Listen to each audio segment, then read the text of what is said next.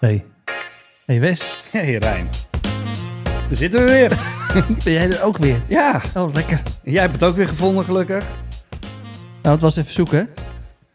Want waar zijn we eigenlijk? We zitten bij Cobalt. Oh ja, lekker. Dankjewel Sponsor. daarvoor. Website, applicaties. Ja, dat kun jij beter uit. Ja, ik, nou ja, andere keer. We hebben nu een belangrijke gast hier. ja, ik zit even naar het, eh, het lijstje te kijken wat je allemaal op, eh, ingestuurd en hebt gedaan. Nou kennen we je al wat langer. Ik helemaal. Eh, tegenover ons hebben we Norman Amers. Hey, ja. En wie kent hem niet eigenlijk in honkersopbal? Nou, zat mensen, zat Ah, mensen. dat, dat geloof ik helemaal niks van. Ik denk wel voor alle ouders en eh, beginnende coaches, trainers, die zullen dat misschien nog niet weten wie jij bent. Maar eh, ja, eh, Norm, ik eh, kijk het lijstje net en dat, eh, dat is best indrukwekkend. Maar st- stel jezelf even voor. Wie ben je, wat doe je? Ik ben eh Norman Amers, ik ben eh 35 jaar en eh, Nice. nee, hoor, ik ben 53. Ik, eh, in het dagelijks leven werk ik eh, in de evenementenindustrie internationaal. Eh, veel reizen wat dat betreft. Twee dochters. Ehm, en eentje die helemaal niks met softbal heeft. Eh, maar het meeste met EAS, daar komen we dadelijk op terug. Eh, die wil alleen maar een reunie hebben om de gezelligheid. En eh, Kan me voorstellen. ja, toch? Die is 22 en die jongste is eh, 19, Esme. En die eh, woont en speelt op dit moment in Florida bij Florida Southwestern eh, State College.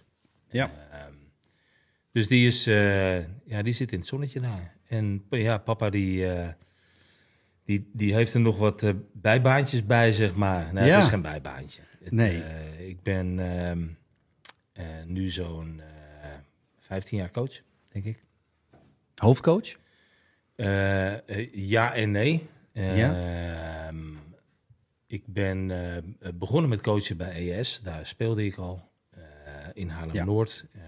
De jonge luisteraars die zullen daar niks van af weten. Maar Nee. de oudere luisteraars eh, zullen het zeker wel weten. Ja, want ES was wel een gevestigde naam.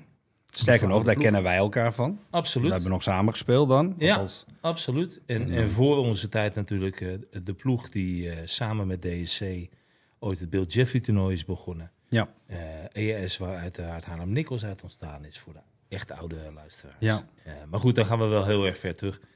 Ehm, eh, in mijn, mijn playing days bij eh Kinheim begonnen eh, met de honkbal tot mijn achttiende.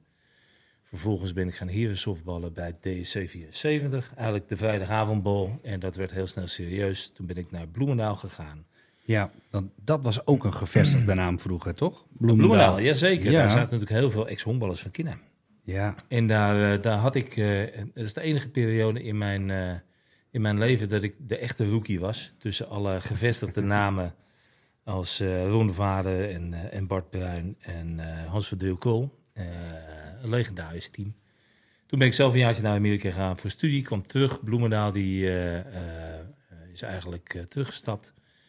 Toen ben ik naar Penguins gegaan met Eddie Halman. destijds uit, uit Heemstede. En vanaf Penguins, eh, daar was ik het eigenlijk zo snel zat, omdat zij eigenlijk altijd van ES verloor. ja. En toen zei eh, eh, mijn grote vriend Rob de Mooi, of onze grote vriend Rob de Mooi, de, de, ja, de grote eh, drijvende kracht achter ES met name destijds. Eh, Noor, misschien moet je maar eens naar Haarlem-Noord toe komen. Dat heb ik een paar jaar gedaan, maar toen begaven de knieën het, als sketcher zijnde. En toen ben ik gaan coachen vanaf 2003. Eh, Ja. Een aantal jaren bij ES, daar prachtige tijden geha- behaald. Twee keer landskampioen, drie keer de Europa Cup gewonnen. Ook verliezend finalist in de Europa Cup geweest. We hebben Ja. volgens mij een bijna tien jaar achter elkaar de Europa Cups gespeeld. ja. En alle Holland-series zo'n beetje. De Holland Series, eh, ja, prachtige tijd. Ja, dat was, was fantastisch. Ik heb ook één, één landstitel mogen meemaken daar. ja. Maar waren, En, eh, waar- was dat team dan zo goed of zo, dat er zoveel? Of eh, was Nou, het het enige team? Wij- het, het- ES was echt, echt een familie. Het herensoftbal was... eh, ja, iedere generatie zegt dat het de generatie later minder wordt natuurlijk. Eh, dus vroeger was alles beter. Eh, die discussie ga ik niet aan. Maar ik vond het destijds... Voor mij waren dat de hoogtijdagen van het herensoftbal. Sowieso qua werpen, qua pitching. Ja, er was, er was goede Nederlandse pitching. Uh, Toeter Meijer, weer vissen. Uh, ga zo maar door. Later Jeff natuurlijk. Uh, en, Onze huisfotograaf. Ja, Jeff huisfotograaf ja, die, die om onverklaarbare reden is afgehaakt vanavond. Begreep ik. Sorry Jeff, maar... Beterschap, jongen. Ik hoop niet dat het aan mij ligt. Ehm, maar ja, dat, dat waren prachtige tijden. Er werden buitenlanders naar binnen gehaald van echt hoog niveau. Uh, Dan noemen we een... Kervasuti. Uh, ja, de hele, het hele contingent Tsjechen natuurlijk wat we gehad hebben. Wat, ja. wat een verhaal aan zich is. Uh, en eigenlijk onze twee uh, huiswerpers, Jesper Panduro. Ja, Panduro. en mijn halve stiefvader Glenn Moorland. Glenny Moorland, ja. Mooie Glenn Moorland, die, die is ooit op Bill Jeffrey toernooi geweest. Ja. Kwam voor een jaartje naar Nederland, zou teruggaan naar Canada. En uh, op de laatste avond, voordat hij weer terug zou gaan, belde hij eigenlijk hulp op. En uh, zei hij, hulp, uh, ik heb geen idee waar ik ben, maar ik moet terug naar Canada. Kan je me komen halen? En het huis waar hij verbleef, was het huis van nog steeds zijn grote liefde. Ja. Nes. Ehm, en ehm, Glenn is een paar weken teruggegaan naar Canada. Is, is vervolgens weer heel snel teruggekomen naar Nederland. Heeft nog jaren bij ons gehad. Ja, een topper. Maar goed, dat was, uh, dat was inderdaad de, de tijd van de toppitching. Uh, de, de, drijvende kracht achter EES waren een hoop vrijwilligers. Uh, dat helpt ook mee, hè? Ja, ja dat, dat is wel een hele belangrijke om die, om die community eigenlijk te, te creëren. En dat familiegevoel bij EES maakt het dat er heel veel spelers bij ons wilden spelen. Ja. en plaats, bleven spelen. En bleven, in plaats van dat we ze hoefden te halen. En, en haalden we een topper zoals Michel Groenhart destijds dan kwam er ook nog wel eens iemand uh, op mee. De, op, oh ja, precies, op de, op de bagagedrager mee. Bommel. Oh. En uh, ja, die was eigenlijk het eind van zijn carrière. En vervolgens slaat hij er 13 bij ons uit in het seizoen. Uh, dus die leefde weer helemaal op. En dat hebben we veel gezien. De spelers die opleefden. En spelers die ook het einde van de carrière hebben meegemaakt bij ES, ja. wat dat betreft. Dus en dat heb ik tot 2009 gedaan. Toen moesten wij helaas de stekker eruit trekken. we weten allemaal nog wel van de brand ja. van de kantine. Mm en ja, dat, dat was niet meer te houden, financieel gezien. Toen verhuisden we naar Sparks nog voor een, uh, voor een seizoentje. Toen zijn we dan naar Sparks verhuisd en nog een hele batterij aan Kiwis en Tsjechen gehad. Uh, tussendoor natuurlijk allerlei ja, fantastische toernooien, maar daar komen we straks misschien nog wel op ja. meegemaakt. Uh, toen ben ik, 2009 was het laatste jaar, toen ben ik een jaartje gestopt. En na dat jaar 2010 zijn we vragen, alsjeblieft weer wat doen. Want ja, Thuis zit dus ook niks. Ehm, toen ben ik naar DVH gegaan. Daar waren inmiddels een aantal oud-AES'ers, zoals Jeffrey Visser en uh, Anthony Beaumont, naartoe gegaan. Uh, Jim Meijer in winkel. Uh, daar gestart. dat opgebouwd. Ook een hele familiaire club. Met als hoogtepunt 2014, waar, waar we de Supercup hebben gewonnen en georganiseerd. Ehm, ja, dat was ook een heel apart team door ehm, door uh, um, uh, een bepaalde reden um, was er een splitsing in het team ontstaan, waardoor we nog met vier spelers overbleven. En met die vier spelers hebben we het gunstenboekje opengetrokken, internationale gunstenboekje. En op dat moment was ik ook coach van Groot-Brittannië. Daar een, een, hoop buitenlanders waar we nog wat te goed van hadden, zeg maar, qua gunsten, naar DVA getrokken. daar Adam Volkart bij gezet. Mooi verhaal. Ik had goed contact met uh, Andrew Kirkpatrick, Cheese, een van de beste pitchers en hitters ter wereld. Die zou komen en die zei tegen mij van nou Noor, ik, uh, ik kan niet, ik moet naar Japan, maar ik heb iemand, ja, die kan ook een beetje gooien. Ja, die kwam net opzetten. Ja, dat bleek de beste pitcher ter wereld te zijn, Adam. Volkart. uh, en, en Adam heeft uh, later ook bekend dat het zo'n fantastisch team was. Het, het, was heel veel imports, maar dat was een van de hechtste teams die ik ooit heb gehad. Gaaf. En dat, uh, dat, dat was een enorme klik. Prachtig georganiseerd door DVA. Was een heel mooi evenement. En, uh, ja, dat, dat was het, uh, het laatste jaar uh, wat dat betreft. Toen in 2015 nog het WK met Groot-Brittannië en Canada gedaan. En toen ja, moest ik er toch aan geloven naar de overstap naar de dames. En toen eigenlijk wel heel bewust gekozen voor DSS, omdat die met de speelsters die daar toen zaten, uh, en dan in de goede zin van het woord het meeste op de mannensoftbal leek. Uh, en uh, ja, je kent Annemiek de Rover, Jazeker. Simpson. Nou ja, Vriendin. dan weet je dat, eh, dat dat personen zijn die, Ja. eh, die daar goed bij aansluiten. Ja. Dat heb ik tot eh, afgelopen jaar gedaan. Ik geloof dat de term altijd was scheid aan status. Ja, precies. Dus dat was... Dat, eh, eh, dat dan, was- dan weet je een beetje hoe, er, hoe, hoe ze erin stonden. Ja, dat was een, een enorme eh, wervelwind hebben we daar gehad. We zijn heel snel gegroeid. Ik kwam toen ze net gepromoveerd waren. Twee jaar later werden we nummer drie van Nederland en gingen we naar de Europa Cup toe in Caserta. Ja. Daar zijn we derde geworden. En toen zijn er een aantal meiden met pensioen gegaan en er zat gewoon geen opvolging achter. En eh, ja, dat zie je het als groot probleem bij heel veel verenigingen en dat is die doorstroming. Ja. Eh, ik ben wel gebleven, eh, ook omdat mijn eigen dochter eh, inmiddels eh, daar speelde. en ehm, ja, veel met jeugd aan de gang gegaan, veel met pitching aan de gang gegaan. Dat werd wel mijn nieuwe roeping. En eh, Peter van Dalen, de huidige hoofdcoach van Sparks, en ik kennen elkaar al, ik denk een jaar of 40 bijna, eh, 30, 40. Zo. En eh, we hebben ooit gezegd, we gaan samen coachen. En dit was het juiste moment. Dat was nog een bonnetje in Ja, een boekje ergens. Absoluut. Dat was het eh, gunste boekje. het gunste boekje. En we hebben gezegd van, nou ja, dan, dan ik wil doorgaan met het ontwikkelen van pitches. Staan wij vanavond ook in het, nou, vanavond ook in het gunste Nou ja, boekje? wie, Agel? ja, wie weet. Maar de vraag is, aan welke kant van de pagina sta je dan? Dat is een mooie. Oh ja. Ik hoorde die term dus Dat- ook voor het eerst vanavond. Echt waar, Het gunste boekje. Ja, ja, ja. joh, kan niet. Het Bonnetjes. gunst- Alles draait om bonnetjes. Ja, nee, het gunste Ik vind het Oké. mooi. Het gunste boekje is, eh, is ja, legendarisch. Je, je, je geeft en, eh, en je krijgt. En eh, dat vind ik een van de belangrijkste values die er is in het leven. Of het nou met sport of in je werk of in je privé- privéleven is. Eh, toevallig hebben we vanochtend een eh, heel leuk gesprek met een, een Australische eh, nieuwe speelster van Sparks gehad. Jong meisje van 21. Ja, en dan zie je dat we toch wel een enorm netwerk hebben opgebouwd over de hele wereld. waarbij we in een goed blaadje staan als persoon zijnde. De, de huidige bondscoach, Lang Harrow van Australië, ken ik goed.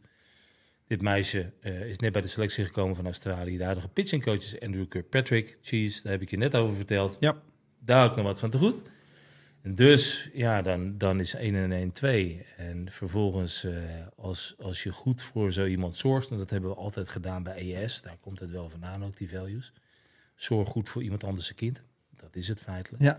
Eh, want als jouw kind naar het buitenland toe gaat, dan wil je eigenlijk hetzelfde. En daar, daar drijft een hoop, op. En daardoor heb, zijn we echt in staat geweest om wereldtoppers naar Nederland toe te halen. Dus mensen denken dan vaak dat het om geld gaat.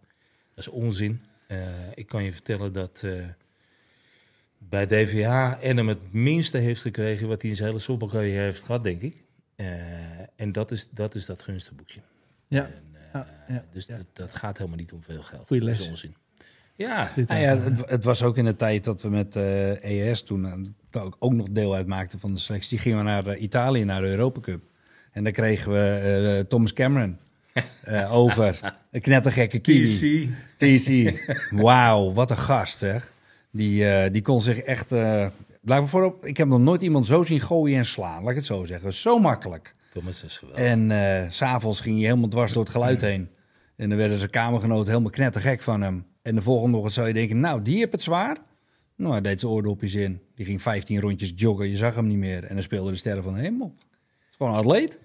Eh, ik zal je een mooi verhaal vertellen. In 2018 eh, ben ik met eh, een team mee geweest. Dit keer als toeschouwer naar Praag van jonge meiden. naar de Jouders Cup in augustus.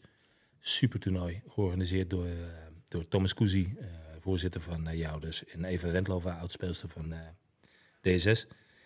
En ehm, dat was de week voordat eh er een, een hoog, een groot heersorbeltoernooi gespeeld zou worden. Ter voorbereiding op het WK van 2019 in Praag. Ja. En de Black Sox waren er. Die zijn dan Black Sox. En ehm, via Thomas Cameron en een aantal kiwis die we natuurlijk bij ons gehad hebben en goed verzorgd hebben, hebben we best naam gemaakt in, eh, in Nieuw-Zeeland. Dat heb ik later ook vernomen van, eh, ehm, van Steve Manson. Ehm, Ja. eh, wat onze, onze status, onze reputatie daar is. Dat we goed voor onze mensen zorgen. Ehm, en vervolgens zie je dus dat... eh, ik kreeg een belletje van eh, Thomas en Okka en Ben en Okka dat ze er waren. En zeiden van, joh Noor, ik zie op social media dat jij er ook bent. Ben je er zo meteen nog? Ik zei, ja, ik ben er nog. Hij zei, nou, we komen zo naar het veld met Nieuw-Zeeland. Niks zeggen. Ehm, en het waren, ik denk, nou, 16 ploegen van meiden rond de 15, 16 jaar. En de Black Sox komen binnen. Je kent de swagger van de Black Sox als ze aankomen. En die jongens komen binnen. En die komen naar mij toe lopen. En, en het werd stil eh, op, het, op Jouders Park. Ehm, en de captain Ben en ook al vroeg aan mij van Noor, waar is, waar is mee? Ik zei, nou, die staat in het middenveld te spelen. En de hele Black Sox is vervolgens over het outfield hek gaan hangen om eens mee aan te moedigen. Ja, dat, dat is een, een vorm van respect wat je krijgt. En dat is, daar, daar moet je heel dankbaar voor zijn. En als je dat geeft, dan krijg je dat ook terug op zo'n moment. Dat is wel heel vet. En dat zijn, eh, ja, het gunstenboekje klinkt, klinkt een beetje als verplichting, dat is het dus niet. Ehm, maar het grappige is, in die, zeker in die herensobbel community houdt iedereen zich eraan. Eh, en doe je dat niet, dan ben je een outcast. Dan, dan krijg je niet de kansen die, eh, die wij hebben gekregen. Ja. En Thomas was zo'n mooi voorbeeld ervan. Ja. Supergoed zeg. Dus dat, eh, levensles, hè? ja, ja het, het- Ja, zo waren er nog een paar hoor. Want ik bedoel, we hadden toen eh Sebastian Gervasuti hadden we ook rondlopen. Ja, die kon natuurlijk ook een aardig balletje gooien, zeg maar. Ja, Seba, Seba is, een, is een huisvriend. De, de regel bij ES was... eh, Rob regelde eh, de woningen en, en de- dat soort dingen. En, en was de, eigenlijk de grote eh, drijvende kracht Ja. achter mij. Ik zorgde voor de internationale contacten. En elke buitenlander die naar Nederland toe kwam... verbleef de eerste twee nachten bij mij. En dat doen we niet zonder reden. Dus eigenlijk, de- er komt een zoon of een dochter van iemand... naar een ander werelddeel toe... Ja. Eh, en die wil je niet koud in een hotel stoppen of in een appartementje in zijn eentje. Dus die komt de, de, de eerste twee nachten bij mij slapen. In het eh, legendarische softbalbedje. Daar hebben we, daar hebben we zal ik je vertellen, heel wat in geslapen. Eh, zowel aan de heren als aan de dameskant. Eh, dat is een geniaal bedje. Het is overigens een bedje van de buurvrouw. Dankjewel, buurvrouw. Ja, nog steeds. Pas op, hè, die trekt ook een bonnenboekje Ja, precies, precies. Ja, ja, ja, dat klopt. En Gavin Sooty is, is een huisvriend geworden. Ehm, ja, en, Esmee was girl bij ons. En, en kleine S was, is, is de grootste vrienden met, met name Gavin Sooty en Adam Volkart nog steeds. Ehm Gavin Sooty woont inmiddels in, eh, in Bilbao, Spanje. En, eh, en Adam heeft Esmee in, in Florida ontmoet een paar weken geleden. Nou, gaaf man. Ja, en dat is Kevin Sooty is, is ja, echt een hele goede huisvriend. Ja. En dat, het is een fantastisch mens. En ik denk dat wij erin geslaagd zijn, zeker bij ES, om buiten dat het buiten gewoon goede spelers zijn, ook ehm, goede mensen aan te trekken. Ja. En dat bedoel ik met het netwerk. Op het moment dat je eh, iemand wil hebben, dan heb je een netwerk van tipgevers die je ook kunnen vertellen wat voor mensen het is. Ja, die je de juiste persoon aanwijzen. Exact. Dus Of wij, sturen. dus wij wisten hoe Thomas Cameron was en wij, wij wisten wat er kon gebeuren. En dat die goed bij ons zou passen. En dat hij goed bij ons zou passen. En, en, dat, zeggen. en dat we hem eh, op de juiste momenten moesten loslaten en op de juiste momenten moesten, moesten aantrekken. Ja. Ja, ik heb gelachen daar. Hoe eh, ben je erbij gekomen eigenlijk? Dat je weet hoe dat werkt, zo, zoiets. Ik heb namelijk nu, ik ben een managementboek aan het lezen Ja. van Jos Burgers. En eh, de titel van het boek heet De Wet van Snuf. Zijn, zijn hond heet Snuf. Oké. En hij baseert eigenlijk dat hele boek op... als je alleen maar geeft, dan krijg je vanzelf wel weer een keer wat terug. Ja. Dus als je dat bonnenboekje, dat gunstenboekje, Ja, ja. maar genoeg blijft vullen... dan komt het, eh, zeg maar... Dan kan je daarna oogsten, een beetje zo. Ja, Nou, ja. Dat is het hele basisprincipe.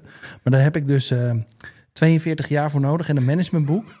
En jij, eh, Ja. maar hoe kom jij daar dan bij? Is dat, is, zit dat gewoon eh, in je? Of heb je dat ook ergens gezien of geleerd? Eh, ik denk dat je het meekrijgt van je opvoeding. Ik denk dat heel veel mensen dat meekrijgen. Wij hebben het alleen kunnen implementeren in de sport. En, eh, Ja. en dat, dat groeit zo. Ik denk dat ik als, als ik het bij een andere vereniging als ES terecht had gekomen, had dat misschien anders geweest. Ja. Maar ES was een, een ploeg van, van stratenmakers tot aan CFO's. En op het moment dat we op het veld stonden, was iedereen gelijk. En ehm, hield je er niet aan die normen en waarden, dan stuurden we je ook weg. En dat is twee keer gebeurd. Ik ga geen namen noemen, maar dat is twee keer gebeurd. En, en dus we stonden ook echt ergens voor. Ja, We, ja. wisten, we wisten wat onze why was. En dat was een hele belangrijke. En dat was allemaal gebaseerd op die normen en waarden. Ja, En goed? Ja, Ja, dan- dat, dan- was een fantastisch, dan eh, kun je- fantastisch team. ja, dan kun je een, een team van mensen die je, die je midden in de nacht kan bellen. Waar dan ook ter wereld, wat er ook aan de hand is. Ja. En ehm, ja, dus, dus één, je krijgt het mee van huis uit. En twee, je moet het geluk hebben dat je binnen een team of een familie of een community komt van gelijkgestemden. Ja. En dat je ook weet eh, dat het over de wereld, zeg maar, zo werkt op die manier. Ja. absoluut. En Ja, dat moet ja. je ontdekken, want we hebben ook een keer een, een missen met iemand gehad die ons met een eh, destijds nog een paar honderd euro aan telefoonrekeningen achterliet. Ja, dat kan één keer gebeuren. Oh ja. Eh, en daarna is dat niet meer gebeurd, want dat, dat ging als een soort olievlek, ging dat netwerk eh, de wereld over. Ja, en de rest weet het ook. En er werd over je gesproken Ja. daarin. Niet op de beste manier Nou op dat moment. Nee. Nee, nee, nee, nee, nee. Dus dat kan je één keer doen en dan, dan houdt het op. Maar dan moet je... Iemand zei recentelijk tegen me, je moet je niet laten verblinden door talent. En ik denk dat dat de belangrijkste les is geweest. We hebben altijd gezocht naar goede mensen. Ja. Eh, een van de mooiste voorbeelden was dat een, eh, de, de, in de groei van de Tsjechen, eh, toen we ze nog konden bijhouden bij het Heer Softbal, eh, is er een toernooi georganiseerd. Ik denk dat het in 2006 was. Waar het Nederlands team zich eigenlijk te laat eh, inschreef. Die schreven zich niet in. Dus toen hebben we ons met ES ingeschreven als enige clubteam. Ja, in, in, bij de Eagles in Ja, Praag. Ja, Ja, daar was ik bij. Ja, Als kijker dan. Ik ben komen Ja. kijken naar jullie toen. en dat was Venezuela, Japan, Amerika. er. Amerika. Eh, Tsjechië, Denemarken, wij en, en eh, nou goed. Was het niet gewoon een ISC? Wij hebben, nee, het was, het was een inauguraal eh, WK, zeg maar. Het was een soort testtoernooi. Ehm, wat gebeurde daar? Wij hebben eigenlijk elke buitenlander die in, in Europa verbleef opgebeld en meegenomen. Ehm, Jared Welsh ehm, en zijn maatje. Sparky. Sparky, inderdaad. Eh, we hebben, god, mooi verhaal. Ja. Doug Gillis. Doug Gillis is nu de... Een mooie bijnaam had hij ook. Ja, Die laten we. Sorry. Ja, nou, Doug Gillis is, eh, eh, was jarenlang pitcher van eh, USA. En Doug Gillis is op Zo. dit moment pitching coach bij Virginia Tech, bij de dames. En ik heb nog wel eens contact met hem. Nice. En ik had contact met Doug. En Doug had, Doug had een ehm, hersenbloeding gehad. Eh, een half jaar daarvoor. Eh, dus die was aan het, eh, aan het recoveren. En Doug zei eigenlijk, Noor, ik wil daar spelen op dat toernooi voor jullie. Ik betaal mijn eigen vlucht. Ik betaal alles zelf. Eh, je moet me één ding beloven, dat ik start tegen Amerika. Dat hebben we gedaan. De laatste die we erbij haalden was Matthias Projaska. Matthias zat bij het nationaal team van Tsjechië. Matthias die was afgevallen omdat hij zijn baan belangrijker vond dan het nationaal team. En Matthias die hebben we ook op sleeptouw bij ES genomen. Eh, vervolgens eh, werd de wedstrijd ES Tsjechië uitgezonden op nationale televisie. En versloegen wij de Tsjechen. En zaten wij bij de laatste vier en de Tsjechen niet. Ja. Dat was een nationale schande zo'n beetje. De laatste dag van het toernooi kwam de Tsjechische bond naar me toe. Met een, eh, want we hadden nog wat meer Tsjechen voor ons spelen. Met een papiertje eh, wat ik zou moeten tekenen dat ik nooit meer Tsjechische spelers bij EAS zou vragen. Nou, dat hebben we natuurlijk Ja, niet getekend. nee. Ik heb vriendelijk geglimlacht. Ja. En tegen de beste man gezegd dat ik hem niet verstond. Ja. Eh, Ja. en jarenlang hebben we nog eh, prachtige Tsjechen bij ons eh, gehad. Maar ja, dat, dat was ook een legendarisch toernooi. Het was een waanzinnig mooi toernooi. Het was een bloedheet. Ja. Ja. ik nog echt bloedheet. Maar je gaat heel snel over Amerika heen. Maar Amerika, EES kwam uit de startblokken. Dat sloeg helemaal nergens op. Vissen met een twee, twee, Ja. twee honken bom. En eh, volgens mij kwamen we zelfs 2-0 voor. Kwamen 2-0 voor met Jeffrey Visser op de heuvel. Ja, ja, ja, en dat ging echt goed. En toen ehm op een end kwam toch de kennis en kunde van Amerika naar boven. En werden op de juiste, tenminste werden de juiste pitches op de juiste slagmensen gegooid. En toen ging het snel om. Ja. Frank, Frank de Groot, catcher van Amerika. Ja, Frankie. Knip ik het zo meteen wel? Ja. Oh, ziet er goed uit. West ziet er gewoon uit, dat is ik. Ja, top. Oké. Dus eh, Frank de Groot uit Ja. Amerika. Frank de Een Groot, hele gekke... eh, catcher voor eh, Nou. Amerika. Een beer van een gozer. Echt enorm groot, serieus. En die, sloeg, die sloeg een bom, hè? Die sloeg een behoorlijke bom. Ik denk dat hij in een honkbalstadion er nog uit lag. Maar dat deed hij dus met een 26 ounce knuppel. Ja. Dat, voor ons ging er een wereld open. We dachten echt van, hé, zo licht?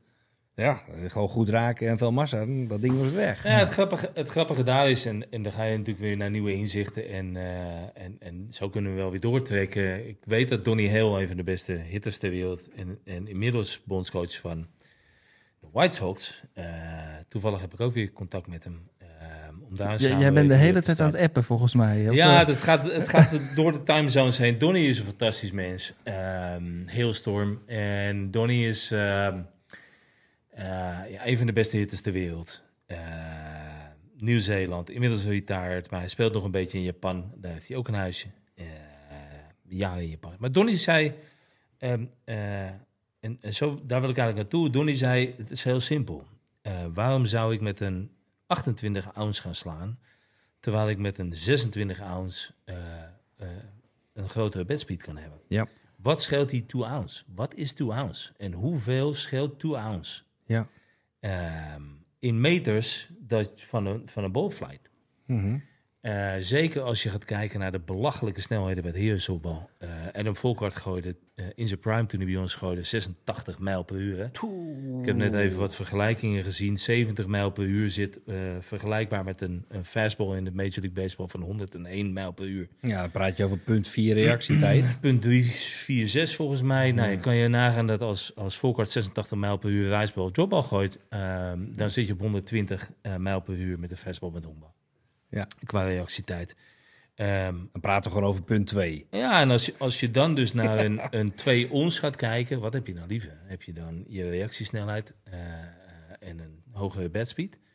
Of ehm, heb je die 2 ons echt nodig om een bal eruit te slaan? Want die bal die wordt met 86 mijl per uur Ja. afgevuurd. En Volkart zei altijd, hij zei, Noor, ik gooi 70% wijd. Dus wat ik heb gemerkt aan het coachen op wereldniveau is, ehm, de echte toppers maken het simpel. Eh, en ehm, de, de players die nog niet op de top zijn, de spelers die nog niet op de top zijn, de coaches die nog niet op de top zijn, die maken het veel te complex om zichzelf te bewijzen naar de buitenwereld dat ze een goede coach zijn. Dus om zichzelf te kunnen verantwoorden, ga je het heel moeilijk maken. Ga je heel veel moeilijke skills eh, trainingen doen. Ga je heel veel moeilijke dingen uitleggen. De wereldtoppers maken het simpel. En een Volkart zei tegen ons toen hij voor ons speelde, hoor, ik gooi 70% wijd, want waarom zou ik slag gooien? Hij zei, het is veel moeilijker als hitter om een wijdbal te slaan dan om een slagbal te slaan. En met alle respect, als je een bal op je afgevuurd krijgt met 86 mijl per uur, en hij springt ook nog eens een keer over de damesplaat heen, dus zijn release point li- ligt op 12 meter. Ja. Ehm, waarom zou ik hem recht door de pijp gooien? Ja. En Ik wil, ik, ik wil wijd gooien. En, Wat goed, hè? en ja. dat soort simplicity op wereldniveau, ja, als je erover na gaat denken, word je gek. Eh, Ja. en, en daar kan je zoveel uithalen. Eh, en, en we hebben het er al eerder over gehad. Er zijn natuurlijk nu heel veel dingen gaande. Er, zijn veel meer studies tegenwoordig. We hebben het over het netwerk gehad. Er zit een ontzettend groot contingent van eh ex-serieus softballers op dit moment in de Amerikaanse colleges. Dan wel bij de dames nationale teams. Lang Harrow en, Cheese en ook Patrick bij Australië. Ehm, je ziet Mike White bij Texas, Just Johnson bij Mississippi. Ga zo maar door. Eh, wat we zeiden, onze eh, goede oude vriend Doug Gillis bij Virginia Tech. Eh, Jeremy Manley, waar we tegen gespeeld hebben, zit bij Arizona. Ga zo maar door. Die jongens, het, het damessoftbal in Amerika is niet gek. Die heeft die kennis van het heren softbal. En waar het een tandje harder gaat dan bij het damessoftbal, hebben ze geabsorbeerd. En waarom? Wij hebben creatief moeten zijn omdat het zo snel gaat. Ja. Wij hebben eh, geleerd. Omdat het misschien Eh, gewoon eigenlijk niet eh, helemaal klopt. Dus, misschien is, het wordt er even te hard gegooid voor Ja, de slagman. je, waardoor je ze, moet, ja, je moet een edge eh, vinden. Je Ja. moet dingen zien. Ehm, en da- dat valt te bestuderen. Dus je moet altijd iets zien te vinden. Eh, Ja. Dat is het spel met de scheidsrechter. Eh, je moet cheaten. Always cheat. Dat is wat we van de Kiwis geleerd hebben. Always cheat. Ja, Eh, de want- regeltjes. Want als je niet cheat, ga je altijd te laat weg een honk. Want je brein heeft tijd nodig om het te processen wanneer een pitcher een bal loslaat. Dus je moet voor je gevoel cheaten en dan ben je op tijd. Ja. Goed, hè? Als, als, jij, als jij denkt op tijd te zijn, ben je te laat. Dus als ik dit eh, seizoen een keer uitga, dan, eh, omdat ik te, ja, dan ga ik aan Oh, je. Ja, dat, dat is En- zeker waar. En dat is simplicity, omdat je moet nadenken hoe een brein werkt. ja, dat, dat kwam met het interview met Stanley Donny ook heel erg naar voren. Tuurlijk. Hij, hij, zijn brein maakt overuren, maar wat hij naar buiten brengt is gewoon een hele simpele, duidelijke boodschap. Maak het simpel. One play, one rule. Ja, en, en, en dan zie je dus dat je... Ja. eh, eh, er is tegenwoordig veel meer data. Er is veel videomateriaal. Biomechanics komt erbij. Je hebt eh, ehm, ja, college teams met budgetten van miljoenen die pitching labs hebben. En ja, daar valt zoveel data te genereren. Wat de, de echte toppers, wat, wat ik van Mike White en Josh Johnson meekrijg, is het is een combinatie van. Ga niet alleen op die data zitten. Ga geen kopieën van elkaar maken. Elk lichaam is anders. Ja. Dus zorg ervoor dat je biomechanics en data, maar ook mental coaching, eh, fysieke gesteldheid, eh, je lol in het spelen. Ja. eh, zorg dat je die dingen bij elkaar brengt. Want als je er eentje uitpikt, ga je nat. Dat gaat niet. Ja, dat maakt het als coach zijn eh, een uitdaging om eh, in de top mee te draaien. Ja, je moet een open mind hebben voor al dat soort dingen. Eh, je, belangrijk. kan, je kan iemand heel erg goed uitleggen met biomechanics hoe je, hoe je het snelst gooit. Maar als iemand het niet kan implementeren omdat jij het slecht uitlegt, hey, dan heb je er klaar. gekloot aan. Ja, Nee, dus, dus probeer dingen simpel te maken. En dat zie je eigenlijk nu terugkomen in het hele biomechanics verhaal. Biomechanics klinkt moeilijk. Het is ook een hartstikke moeilijke studie over het lichaam. Ehm, maar we kunnen steeds meer meten ook. Hè? Dat, dat, dat is natuurlijk ook Absoluut. een onderdeel. We kunnen, we kunnen veel meer eh, dingen zichtbaar maken. In verhouding tot vroeger Ja. was het die ene toptrainer... die wist precies hoe die jou moest laten gooien. Ja, nu wordt het gewoon eh, meetbaar gemaakt... en heb je gewoon tools om meerdere dames daarin te helpen. maar de vraag is, hè, je kan alles meten. de vraag is, wat doe je met data? Want je kan het allemaal hebben en dat is in, in het bedrijfsleven ook. Het gaat erom wat je met data doet. Ja, Ehm, en uiteindelijk blijft het een menselijke sport. Want je, je kent ze wel, de, de, de de t-ball hitters. Eh, vervolgens heb je ook nog eens een keer een tegenstander die jou in de maling probeert te nemen. Dus de mental game... always cheat. Always cheat. Dus de mental game en, en, en hoe je approaches en of je je eigen identiteit kan vinden bijvoorbeeld. eh, in het spelletje is super belangrijk. Ja, Eh, data is geen garantie, data is een hulpmiddel. Biomechanics is, is een hulpmiddel. En dat, als je dat samen weet te brengen... Ik ben niet afgestudeerd in biomechanics. Ik heb een aantal mensen om me heen die er enorm veel van af weten. En ik ben heel eager om er meer van af te weten... om het iemand te kunnen uitleggen. Eh, zodat zij het kunnen implementeren. Dat is mijn rol als coach. Dat zou je biomechanics een beetje kunnen uitleggen, want we hebben coaches van alle... We hebben ook zeg maar die net bij de Bibel eh, beginnen. Dus Ja. wat dat betreft. Nou ja, ten eerste, eh, ga lezen. Ga, ga lezen en, en iedereen mag me via jullie eh, een berichtje sturen waar je dit soort artikelen kan vinden. En dan wil ik ze er absoluut bij helpen. Ik weet zeker dat Eva Voortman dat, dat ook graag doet. Is er ook een groot voorstander van. Biomechanics is eigenlijk hoe je het... En ik heb er niet voor gestudeerd, Eva wel. Dus waarschijnlijk krijg ik straks een appje van Eva. Of na de uitzending dat ik het verkeerd heb uitgelegd. Ja misschien moeten we even ook gewoon eens vragen in de uitzending. Ja, dat, dat is niet verkeerd. Nee. Ehm, maar het gaat erom dat je het, het lichaam zo efficiënt mogelijk wil gebruiken. Dus hoe zorg ik ervoor dat, dat ik de energie naar de juiste plekken krijg? Ehm, en dat zie je terug in hardlopen. Dat zie je terug in eigenlijk elke sport. Hoe kan ik zo efficiënt mogelijk daarmee omgaan? Ehm, het heeft niks met biomechanics te maken. Maar ik weet dat jij een groot racefan bent, eh, Wes. Ja. Een van de kwaliteiten van de Max Verstappen is zijn banden sparen. Ja. Dus zijn efficiency, wat hij uit de auto haalt, is vele malen, hoger dan iemand anders. En wat je bij biomechanics probeert te doen, is in ieder geval zorgen dat die energie die je ergens opbouwt, op het juiste punt eruit komt. Waardoor het object wat je gooit of slaat of whatever, zo ver mogelijk weggaat. Ja. En moeilijker is het niet. En sorry Eva, ik zal het ongetwijfeld verkeerd uit hebben gelegd, maar dit is mijn interpretatie van wat Ja. ik heb aan Ja. bij biomechanics. En, Ja. ja. en dan moet je coaches hebben die het heel simpel weten uit te leggen. Eh, wat wij nog wel eens verge- vergeten is dat wij, eh, wat ik al zei, een coach van 35 jaar ben. Eh, ehm, maar ik sta wel met meiden van tussen de 16 en, en de 24 te trainen. Er zit een age gap. En als jij dat niet beseft, dan gaat het fout. Ja. Er is een heel mooi verhaal van Don Tricker. Absoluut, ik wil niet jullie concurrenten naar voren brengen. Maar Beyond the Dugout van Jason Gerbies. eh, ja, is dat een- is ook een podcast. ja, is een prachtige aflevering met Don Tricker bij. En Don Tricker heeft het over eh, eh, de Black Sox en wat hij daarmee gedaan heeft. Hij is met zijn selectie naar een, een trainingskamp gegaan van, van de military. En daar zijn ze een cave ingegaan. Mensen die me kennen, die, die kennen het verhaal al. Dus ze kunnen even doorspoelen. De oudjes die liepen voorop. Ze hebben een drie kwartier door het water gelopen. De jonkies onder uh, Nathan Nukunuku liep achterop. Eh, dat was met de naam met de? Navy Seals. Ja. Ja. En ehm, de oudjes zeiden op een gegeven moment van... jongens, het zou toch lekker zijn als we eh, licht hadden. Eh, en Nate Nukunuku zegt na drie kwartier... ja, maar ik heb lucifers en een kaars in mijn zak zitten. De oudjes worden boos. Eh, en de coach zegt vervolgens... wij hebben een probleem. Want de oudjes gaan ervan uit dat de jonkies de oudjes begrijpen. En de jonkies durven niks te zeggen. Eh, dus er is een age gap die door eh, de oudjes niet begrepen wordt. Dat is hetzelfde met coachen. Ik moet me aanpassen als coach zijn. En niet andersom. Eh, want ik sta er als, als 53-jarige coach tegen een meisje van 16 te, te praten, die mij pas een week of drie kent waarschijnlijk. Die gaat waarschijnlijk geen vragen stellen. Dus hoe ga jij er als coach mee om? Hetzelfde is ook daar weer in je, in je privéleven of in je, in je zakelijke... Wees je bewust van je positie. Ja. En ik denk dat dat een hele belangrijke is voor elke coach. Ja, wat het gevaar natuurlijk is met mij ook en mijn collega's, is dat ik altijd eh, bij hun op hetzelfde niveau zit, maar in werkelijkheid eh, zij misschien wel eh, tegen je opkijken. Je terwijl, bent de ik, baas. terwijl ik gewoon het zie als collega's. Ja. ja, maar je bent de baas. Ja. Blijkbaar wel, ja. ja.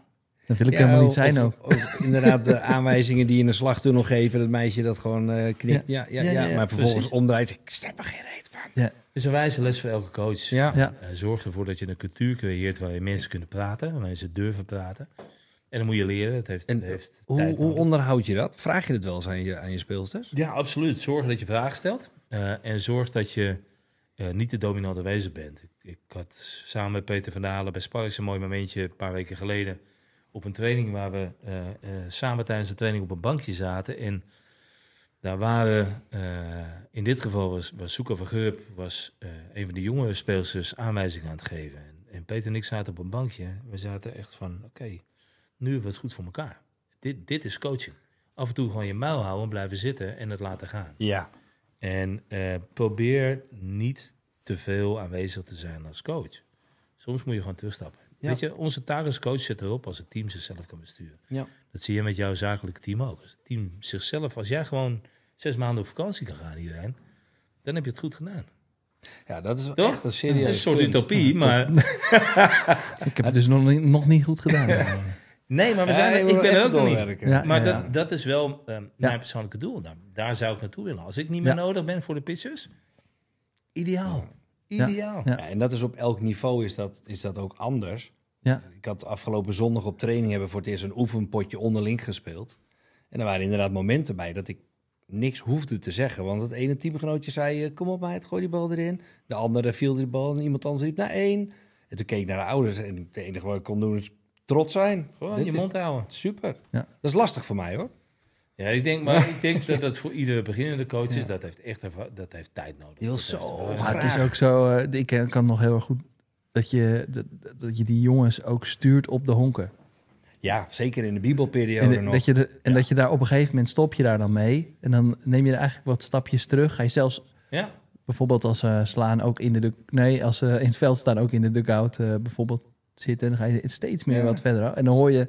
Je zie je ze zelf ook opbloeien. Hè? En dan zie je ze elkaar aanwijzingen geven. Dat is wel, wel eh, een, een nice... ja. Om, om inderdaad niet altijd al te aanwezig te zijn. Ja. Goeie. Nee, het, het is, weet je, eh, laat ze gaan. En, en er zijn een hoop coaches die, die bang zijn. eh, sterker nog, bang zijn om hun baan te verliezen. Hè. Dat is het feitelijk. Eh, en bang zijn dat, dat een speler slimmer wordt dan jij. En daar moet je er bang voor zijn. Als, jou, Nee. als jij, eh, een van je medewerkers op een bepaald vakgebied beter is dan jij, dan heb je het goed gedaan. Ja, dat, vind, dat, dat is zeker aan het gebeuren. Ja. Maar dan luister ik ook altijd naar Steve Jobs die dat zei. Van ik huur alleen maar mensen in die slimmer zijn dan Ja. ik zelf. Wees niet, Want bang. anders had ik het wel zelf kunnen doen. Wees niet bang voor mensen die slimmer zijn dan Ja. jij. En daar, daarom, even weer terugkomen naar het netwerk, kan ik ongelooflijk genieten van, van de calls of de, s- de, de korte chats die ik met topcoaches heb. Eh, dat ik daar alleen maar van kan genieten dat ik met deze mensen mag praten en, en, eh, en van ze kan leren. Ehm, ja, het- wees niet bang om je te omringen door mensen die beter zijn dan jij. Nou, vandaar dat je hier ook zit. Hè? Ja. dat is een Nu hoor jij wat te zeggen, wees er niet Nee, dat is, dat is absoluut, absoluut waar. En ik, ik, ik ken Norman natuurlijk al heel lang eh, als coach en speler. En eh, weet je, ik heb hem af en toe ook wel eens vervloekt. Maar uiteindelijk heb je allemaal hetzelfde doel voor ogen. Ja. Dan wil je gewoon die wedstrijd winnen. Dan wil je je competitie winnen. Maar vooral, je wil een gezellige avond. Ja, tuurlijk. En die hebben we gehad hoor, bij ES. Want hij zegt wel het, heel braaf dat hij zo'n goed netwerk hebt. Maar eh, iedereen wil natuurlijk gewoon lekker in Nederland komen spelen. En de gezelligste ploeg die er was, was ES. Ja, ja, ja. ja, ja dat netwerkje het hebben we ook. Die ja, reputatie hadden we ook opgebouwd. Plezier Ja. in de game, hè, is dat Ja, dan. eh, was- dat vinkje. Dat is het allerbelangrijkste, weet Ja. je. Het, het, het, eh, je moet op weg kunnen genieten. Ja. We Ja. stoppen er veel te veel tijd in om er niet van te kunnen Nee, genieten. zo is het ook. En dat, dat moet je doen. En, en eh, we hebben het er net al even over gehad. En, eh, eh, wat je zegt van, joh, ehm, soms, soms moet je achterover zitten en, en, eh, en je mond houden. En dat is natuurlijk wel, ja, daar ga je ook nog wel tegenkomen, Wes. Dat is wel de, de, de lastige, Kant. als je je eigen dochter aan het coachen bent. ja, hè? ja, ja. Want dat, eh, dat heb jij natuurlijk ook eh, jaren mogen doen. Ja, ja, van bad girl tot, tot, tot ja, leuk. Ik kan dat Batgirl ook nog wel herinneren, ja. en toen opeens, dat is wel een leuk verhaal, opeens, ik denk vorig jaar, moest ik met mijn meiden uit bij DSS. En eh, ja, weet ik veel, was atletiek, er was geen parkeerplek te vinden. En ik had twee van zulke materiaaltassen, dus ik stop gewoon voor de ingang, gooi die tassen eruit. En dan gaat de schuifdeur open van zo'n zo'n bus en ik hoor, hey Blonk. Ik kwam Norman eruit gelopen. ja, dikke knuffel. En hoe is het? Ja, goed. Dus ik heb nog een je gedag wil zetten. Zeggen. En toen kwam er Ja, die was een beetje gegroeid. Een beetje. Ja, ja, ja. ja. En toen hoorde ik, eh, nou, toen hadden we het over, ja, dat gaat goed. Je hebt nu inmiddels een eh 65 mijl eh reisbal. Het eerste wat ik zei was, Ja, ietsje langzamer, maar ah, ik zeg, wat, nou, dan gooit het wel harder dan ik heb gedaan. nee, dat was superleuk. Maar dat heb je een paar jaar gedaan. Nou ja, weet je, het, ehm, soms, soms lopen carrières en situaties zo. We kwamen bij DSS natuurlijk in een situatie waar we een groot verschil hadden tussen de oudere meiden en de jongere meiden. Daar zat een groot leeftijdsverschil eh, tussen. Daar heb ik ook weer van geleerd. Eh, je wil eigenlijk niet zo'n groot leeftijdsverschil in je team hebben, zeker op, op jonge leeftijd, want dat gaat heel simpel. Dan krijg je hele rare gesprekken op de, op de bank in de dugout of geen gesprekken. Ja. Dus je moet ook wel zorgen dat je een bepaalde goede cultuur en, eh, en verhouding Oh, hebt. ik, ik zit juist hier inderdaad op kantoor eh, die uh, diversiteits woke shit allemaal Ja. te verkondigen. Met, maar, Ja. Dat, maar, maar ja, goed. Ja, ja, maar, maar da- dan zijn ze al wat ouder. En op het moment dat ze wat ouder zijn, dan, dan is dat leeftijdsgat niet meer zo belangrijk. Weet je wel? Maar als jij het over meisjes van eh, 16, 17 hebt die tegenwoordig in de hoofdklasse zitten. En daar zitten meiden van 35 bij die het over, eh, over een gezinnetje hebben en dat soort dingen. Dan heb je een mismatch Ja. over het algemeen. En nou ja, er stopte een aantal, gingen met pensioen. En wat je toen zag, dat we met een hele jonge ploeg waren. Eh, dus we hadden maar één keuze en dat was opleiden. Eh, nou, toen kregen we een COVID-periode erbij. S ontwikkelde zich als, als pitcher daarin. En in die COVID-periode hebben we ja, gewoon heel veel persoonlijke aandacht kunnen geven. Omdat je niet mocht trainen. Dus ik, ik kon één op één met S mee. En samen met Lotte van der Weijden. eh eeuwig dankbaar voor Lotje. Die, eh, die constant twee keer in de week, eh, twee, drie uur lang met S mee aan het trainen was. ergens in een fabriekshalletje. Kijk. Ehm, ja, het is heel simpel. Je hebt gewoon arbeid nodig. Ja. En S en Lotte waren bij mij op de zaak drie avonden in de week eh, 200 ballen op een avond aan het gooien. Ja, dan, dan gaat het versnellen. Ja, dat, dat, dat komt je niet aanwaaien. Je moet Nee. er echt wat voor doen. Ja, dan heb je één op één aandacht. Dus, dus COVID heeft ook alweer goede dingen, dingen gebracht wat Ja. dat betreft. Ja. En, eh, en toen was het eh, ja, tijd voor de volgende stap. De nationale selecties kwamen erbij. Ja, want-. Ze hebben natuurlijk ook nog een paar mooie reisjes gemaakt. Ja, we zijn eh, in ieder geval twee keer naar eh, Tsjechië geweest. De onder 18 heeft ze gedaan. Ja? In, eh, in eh, Tsjechië. eh, de onder 22 WK in Lima, Peru. Ja, ik was in Eh, Zuid-Amerika geweest. Ja, dat was nog tijdens de COVID-tijd. Dus het was ook wel een heftige trip. Eh, en de onder 22 EK in, eh, in Tsjechië ook.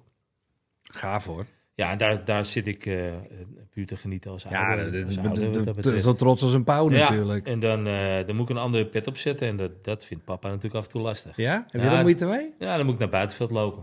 Dan moet, Ja. dan moet, kijk, weet je, als coach zijn is het heel simpel. Je staat op het veld en je hoort niet wat, niets van wat er om het veld heen wordt gezegd. Ja. Ehm, want het, het gaat dan vaak over jou of Ja, over je kind. ja, hè? Dat ja. is heel simpel. Maar dat hoor je Het niet. is, het is voor mijn vrouw is het veel moeilijker geweest. Want die heeft jarenlang langs de zijlijn gestaan. ja. En die hoorde die aan zijn pissers over mij praten of over jou praten, Wes. ja. Wij hoorden dat niet. Nee. Ook wel Eh, lekker. Ook wel lekker. Nou ja, voor ons. Dat zeg je. Dat is maar ook nu- een van de redenen waarom op net. Mijn vrouw, die heb toen op een net, eh, die is niet meer, niet meer komen Nee, kijken. mijn- de laatste mijn- jaren hoofdklasse. nee, mijn vrouw is, is, eh, zit vaak achter het buitenveldhek. Ja. En ik merkte dat eh, eh, ik dat op een gegeven moment ook ging doen. Ja. Dus bij die toernooien ben ik, eh, ben ik ook wel veel in het buitenveld gaan zitten. Snap ik heel Eh, goed. Het is lastig. Ja. Want je komt ten eerste om te gewoon te genieten van eh, hoe je kind het hebt eh, Ja. eh, uitgevoerd. Weet je, natuurlijk, weet je, natuurlijk heb je een mening. Ja, dat En- mag en die, ook. En die ventileer je ook wel eens. En, en eh, ja, dat, dat heb ik ook. En dat is, dat is een lastige. eh. maar goed, uiteindelijk gaat het niet om mij, maar gaat het om haar. Ja, En over haar ontwikkeling. En daar horen eh, successen en daar horen, hoort failure bij. Ja. En, en wat je ziet is, we hebben natuurlijk een hele kleine sport. En als je naar de top gaat, dan zie je dat de meesten afhaken. Niet omdat ze een gebrek aan talent hebben, maar omdat ze niet kunnen omgaan met failure. Eh, en, en daar zitten we nu. Hè. De, een mooi voorbeeld is Esmee nu in Amerika. Die heeft een, een moeilijke tijd op dit moment. Komt terug van een blessure. Eh, en gaat dan allerlei andere processen meemaken in Amerika. Mhm. De processen dat je als je op een JUCO zit, dan is Dat is een JUCO? een junior college, dus een Oh ja. tweejarige opleiding. Ja. Eh, eigenlijk is een junior college een doorvoerhaven om meiden naar een universiteit te krijgen. Dus die krijgen funding, die JUCO's, op basis van hoeveel speelsters er doorgezet worden naar de universiteit. En dat is Imago krijgt funding en bootstraps. Mhm. Dat is een business model. Dat is een business model. en dat betekent dat het dus eh, andere eh, belangen kunnen zijn bij het opstellen van speelsters. Dat betekent dat je eerstejaars vaak minder spelen dan je tweedejaars. Omdat die tweedejaars echt het laatste kans is dat ze een contract krijgen bij een universiteit. En daar zitten serieuze scholarships aan vast. Dus veel geld gaat er, gaat er mee op. Ehm, en er zijn minder scholarships op de universiteiten vergeven dan op het JUCO. Op het JUCO mag je 24, uit mijn hoofd 24 scholarships vergeven. En op een eh, D1 universiteit 11,9, dacht ik. En die zijn dan wat duurder. Nou, goed, dat is weer een heel ander verhaal. Daar kunnen ook nog uren over lullen. Maar dat betekent dus dat je ook met failure moet leren omgaan. Ehm, en ik denk nog steeds dat de meeste talenten uiteindelijk afhaken... omdat ze niet ehm, zichzelf genoeg tijd gunnen... eh, dan wel de values hebben of meekrijgen om met failure om te gaan. Er wordt ontzettend veel gesugarcoat. Eh en, en sugarcoaten ligt, ligt, heeft niks met, met het hele woke gebeuren te maken. Dat vind ik niet. Maar ehm, een, een oproep aan ouders... eh, ga je kind niet sugarcoaten. nee. Vertel ze gewoon eerlijk de waarheid. Zorg dat je er ook bent wanneer ze je nodig hebben. Hè? Dat is heel simpel. Wat voor mij heel moeilijk is, en dan krijg ik op mijn kloten van mijn vrouw of van, van andere mensen. Zet nou eens je coachpad af als je met je kind praat. Ja, dat is een lastige. Herkenbaar. Ja, en, en dan moet je er even als vader zijn en niet Ja. als coach zijn. Maar je moet ze leren om met failures om te gaan. En eh, dat betekent dat je vertrouwen moet kweken, vertrouwen moet hebben, vertrouwen moet geven. Ja. En eh, dat is het bouwen van een cultuur en een team. Wat is, bij jou, wat is bij jou het verschil eigenlijk tussen jouw coach eh, of je vaderschap? Of wat, wat gebeurt er dan? Wat verschil? Eh, ik, ik word te rationeel als ik als coach ga zijn. Eh, dan ga ik dingen proberen uitleggen waarom iets gebeurt.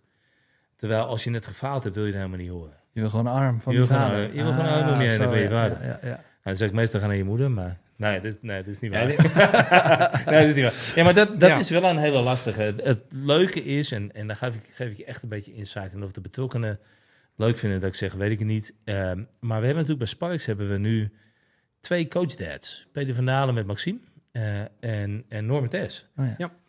Eh, en het grappige is dat, dat eh, ik af en toe met Max praat en Peter af en toe met S praat. En eh, dat is ontzettend leuk, want soms heb je gewoon de mening van iemand anders nodig. Eh, maar goed, het, je, je vroeg naar het verschil tussen de coachpads en de, en de dadpad. Ja, daar heb je gewoon een goed thuisfront voor nodig. Eh, of mensen om je heen die jou zeggen, hey Noor, doe eens even normaal man. Ja. Maar je zet die coachpad nou af. Ja, je dochter ja. heb je even nodig.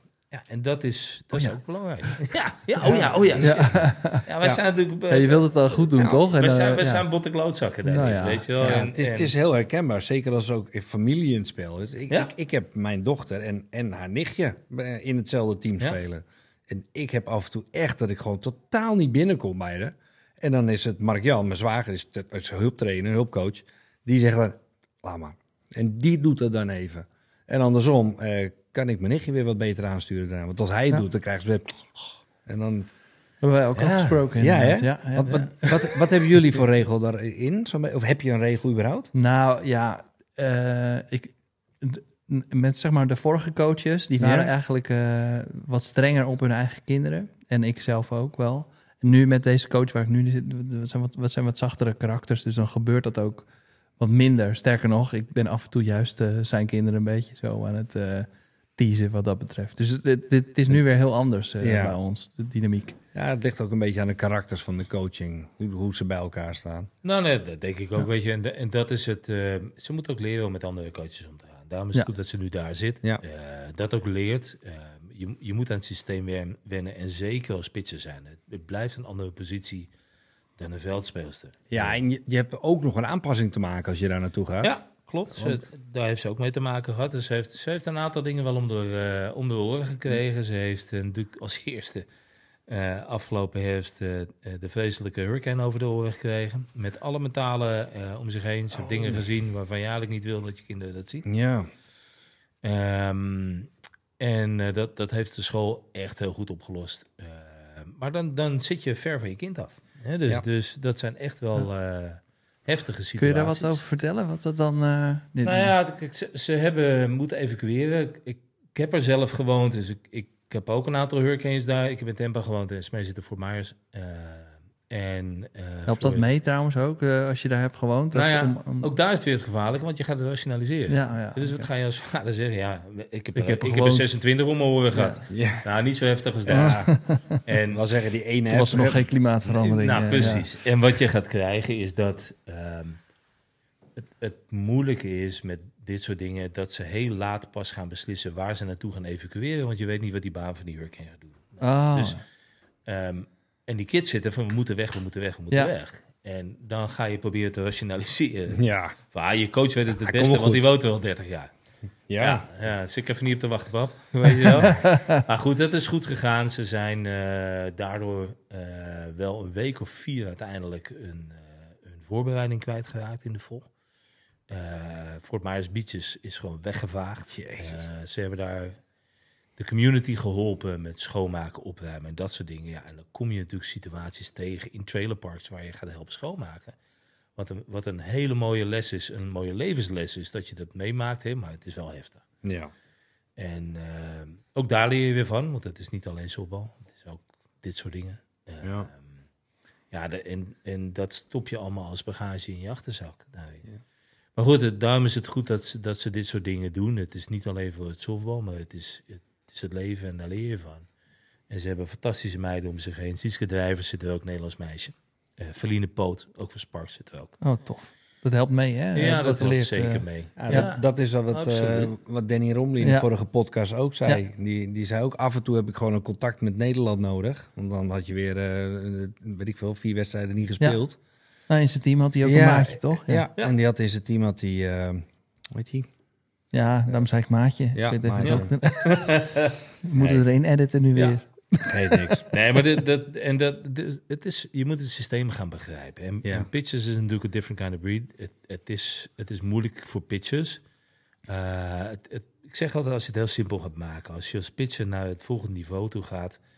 Een veldspeelster gaat eerder naar het volgende niveau dan een pitcher. Omdat het risico voor een veldspeelster, voor een coach, laag is. Ze krijgt twee at-bats als veldspeelster zijn. En je krijgt misschien drie ballen in de wedstrijd. Ja. Dan heb je het veel. Als je als pitcher daar als jonkie naar een hoger niveau gaat, dan ben je betrokken bij elke pitch, bij elke play. Dus het risico voor een coach om een jonkie te brengen is groter. Als je dat sociaal gaat bekijken, en je ziet dat in een Nederlandse competitie bijvoorbeeld, dan zie je dat er vrij veel jonge speelsters naar de hoofdklasse toe gaan. Omdat de aantallen eh, gering zijn en naar mijn idee te veel ploegen in de hoofdklasse zijn. Dat is heel simpel, want je hebt die aantallen gewoon niet. Ehm, dat betekent dus dat er veel veldspeelsters op 16-jarige leeftijd eh, de hoofdklasse ingaan, 16, 17 jaar. Maar die pitchers zijn er op dat moment gewoon nog niet klaar voor. Dat betekent dat je pitchers in een lagere klasse blijven. Sociaal gezien betekent dat dat jouw vriendinnen naar de hoofdklasse gaan en jij niet. Dus wij zitten dat te rationaliseren, maar het heeft ook nog eens een keer een mentaal aspect. Ja. Want jouw vriendinnen gaan wel naar die hoofdklasse en jij niet. Of jij gaat wel, maar jij zit op de bank. En jouw Ah, vriendinnen ja. spelen. Dus je moet wel dat soort systemen gaan uitleggen als coach zijn. Ja. Ehm, en een goede balans zien te vinden in zo'n team. Daarom zijn die, die tweede teams die nu in de eerste klasse komen zo belangrijk van de hoofdklasseverenigingen. Want dan kan je ze laten proeven. En dan kan je ze een aantal innings geven, vervolgens weer naar het tweede zet. Nou, dat zijn we met Sparks aan het doen. Hè. We hebben nu de eerste drie teams eigenlijk in de hoogste drie klassen zitten. Ehm, en dat, eh, ja, daar zijn we flink mee bezig. Ja. Dus het is niet alleen de pitchers van de eerste doe ook pitches van tweede en pitches van derde. Ja, dat, je, eigenlijk noemt, noemt, noemt hij nu mijn hele carrière verlopen bij EES op. Zo is het precies gegaan. Dat vind ik echt grappig, want ik herken elk woord wat je dat is zegt. Dat Maar is inderdaad... Eh, grappige was, ik, ik ja. ben daar pas, eh, ehm, ik ben daar pas eh, een jaar of drie geleden achter gekomen. Ja, dat is toch op een natuurlijke manier gaat dat. Bij de heren softbal ging dat al zo.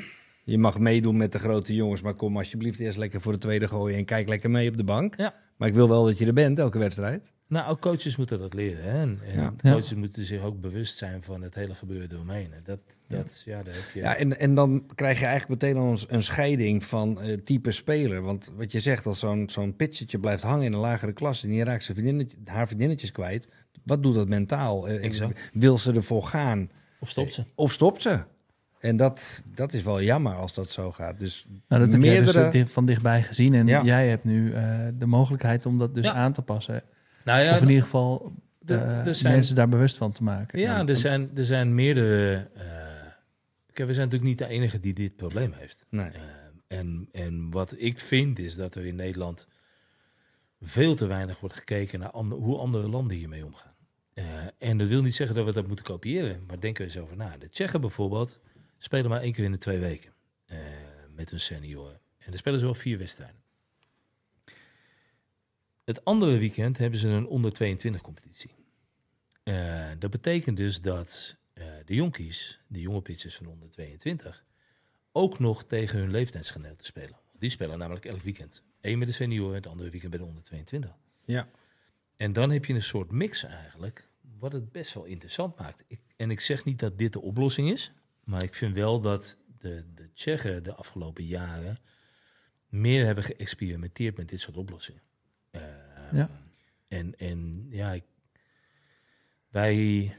Ik zie daar wel opties, ja. Nou ja, dat, dat is het ook. Alleen, Want ik bedenk het even vanuit pitching oogpunt. Eh, het ene weekend ga je mee om te leren... en het andere weekend kan je experimenteren en uitvoeren. absoluut. Dus je maakt je vlieguren... absoluut. Je wordt bestookt met eh, informatie en eh, ervaring. En als je dat een paar jaar volhoudt, Nou ja, en sociaal gezien speel je nog steeds met je vriendin één keer in Ja. de twee weken.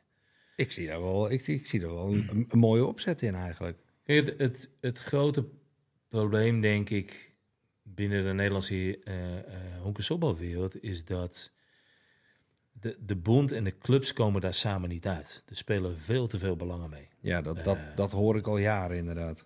Ja, de, en dat, dat, is, eh, dat, dat maakt het lastig. En de Tsjechen hebben niet zo'n historie daarin. Hè, die zijn veel jonger daarin. Ja, wat, Eh, eh, ja, Experimenteren dus. Ex- exact, exact. Ja. Dus er zit veel minder historie en veel minder bagage bij die Tsjechen. Misschien meer funding ook. Nou ja, ik denk dat wij meer funding hebben. Het, Oh ja. het, eh, wij worden alleen verplicht door een eh eh NOC-NSF, waar we heel blij mee zijn. Hè? Het is een beetje... Kip-ei. Ja, en, Jules Swart, hè. En het, het, aan de ene kant zijn we heel blij, want onze nationale teammeiden zijn fullprof, eh krijgen een salaris, ehm, maar we hebben geen geld om een internationale trip te maken. Waarbij aan de andere kant eh, de Tsjechen eh, niet betaald worden als nationaal teamspeelsters. Dus ze krijgen geen salaris, trainen ook minder, Oh. maar hebben dus wel geld om naar het buitenland te gaan om tegen. Nou, wat is beter? Ik zeg, ik, ik zeg niet dat het een beter is dan het ander. Ehm, maar is wel anders. Het is een lastige. ja. Weet je, het is een lastige dat je gewoon geen geld hebt om eh, twee, drie keer per jaar naar eh, Amerika toe te gaan of waar dan ook naartoe te gaan om tien dagen heel veel te toernooien te, leren. kunnen spelen. Ja, heel veel Ja, ervaring Ja, veel game time. Ja. Echt game time, game time, game time. Ja. En ehm, Dus eigenlijk is nu de afweging, ga je eh, vijf dagen in de week in een sportschool eh, of in een sporthal je drills doen? Of heb je meer eh, waarde aan toernooien spelen, game time en... het moeilijke daarvan is, Wes, het, het, ehm, als je funding van het NOC-NSF krijgt, zitten daar ehm, regels aan verbonden. Mhm. Eh, en dan moet je een bepaalde organisatiestructuur hebben. Alle details weet ik niet. eh, maar ik weet wel dat het niet altijd een keuze is van, van eh, de staf of het team om het zo te doen. Maar er zitten voorwaarden aan verbonden. En dat Ja. is dat, dat eh, dubbelzijdig zwaard. Je kan namelijk Ja. ook niet zonder. Ook, ook datzelfde, ook voor speelsters. Ja, Ik ken er inderdaad een aantal speelsters die niet zonder die funding kunnen. maar eigenlijk liever een iets andere invulling eraan zouden willen geven. Ja, dat is, en dat is moeilijk. Ja, dat is heel lastig. Want dan komt een stukje motivatie om de hoek.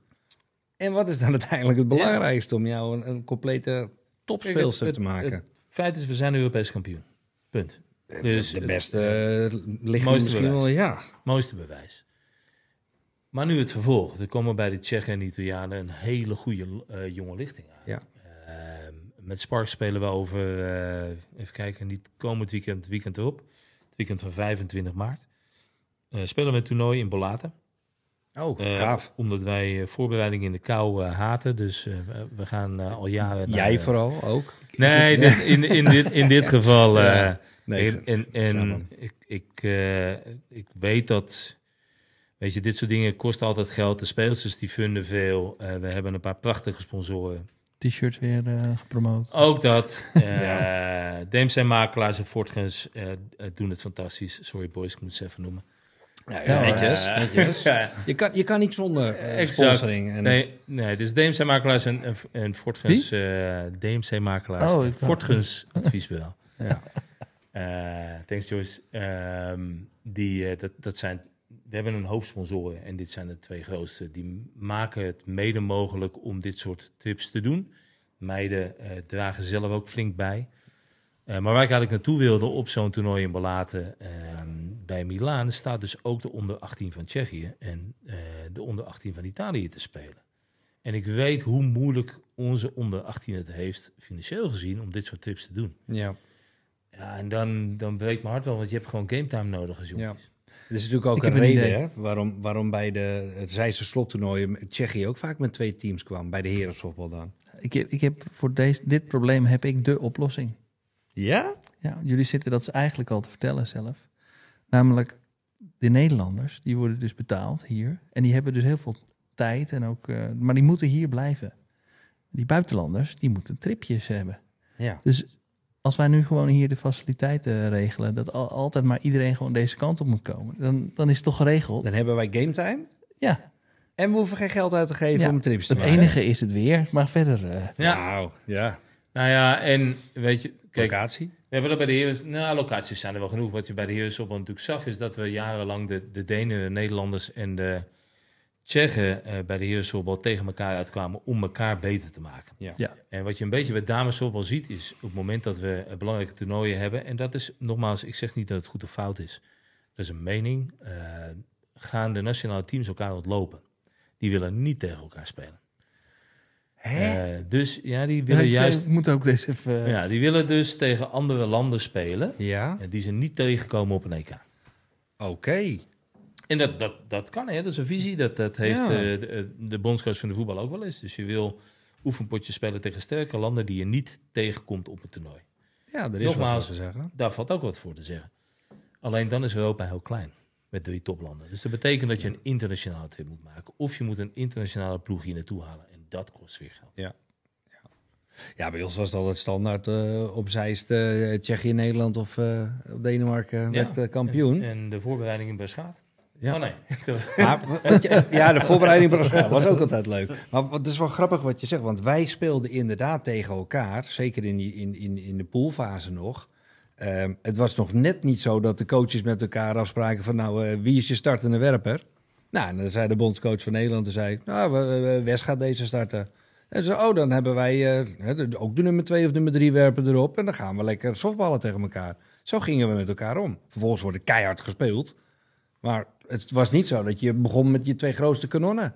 Wat, wat leer je daar nou van? Het, ge het, gebeurt nog steeds, weet je, Europa is klein en de middelen zijn beperkt. Ja. Uh, en dan, dan, moet je creatief zijn. Nederland gaat overigens uh, uh, wel tegen Tsjechië spelen, het, het Nederlands damesteam in de voorbereiding.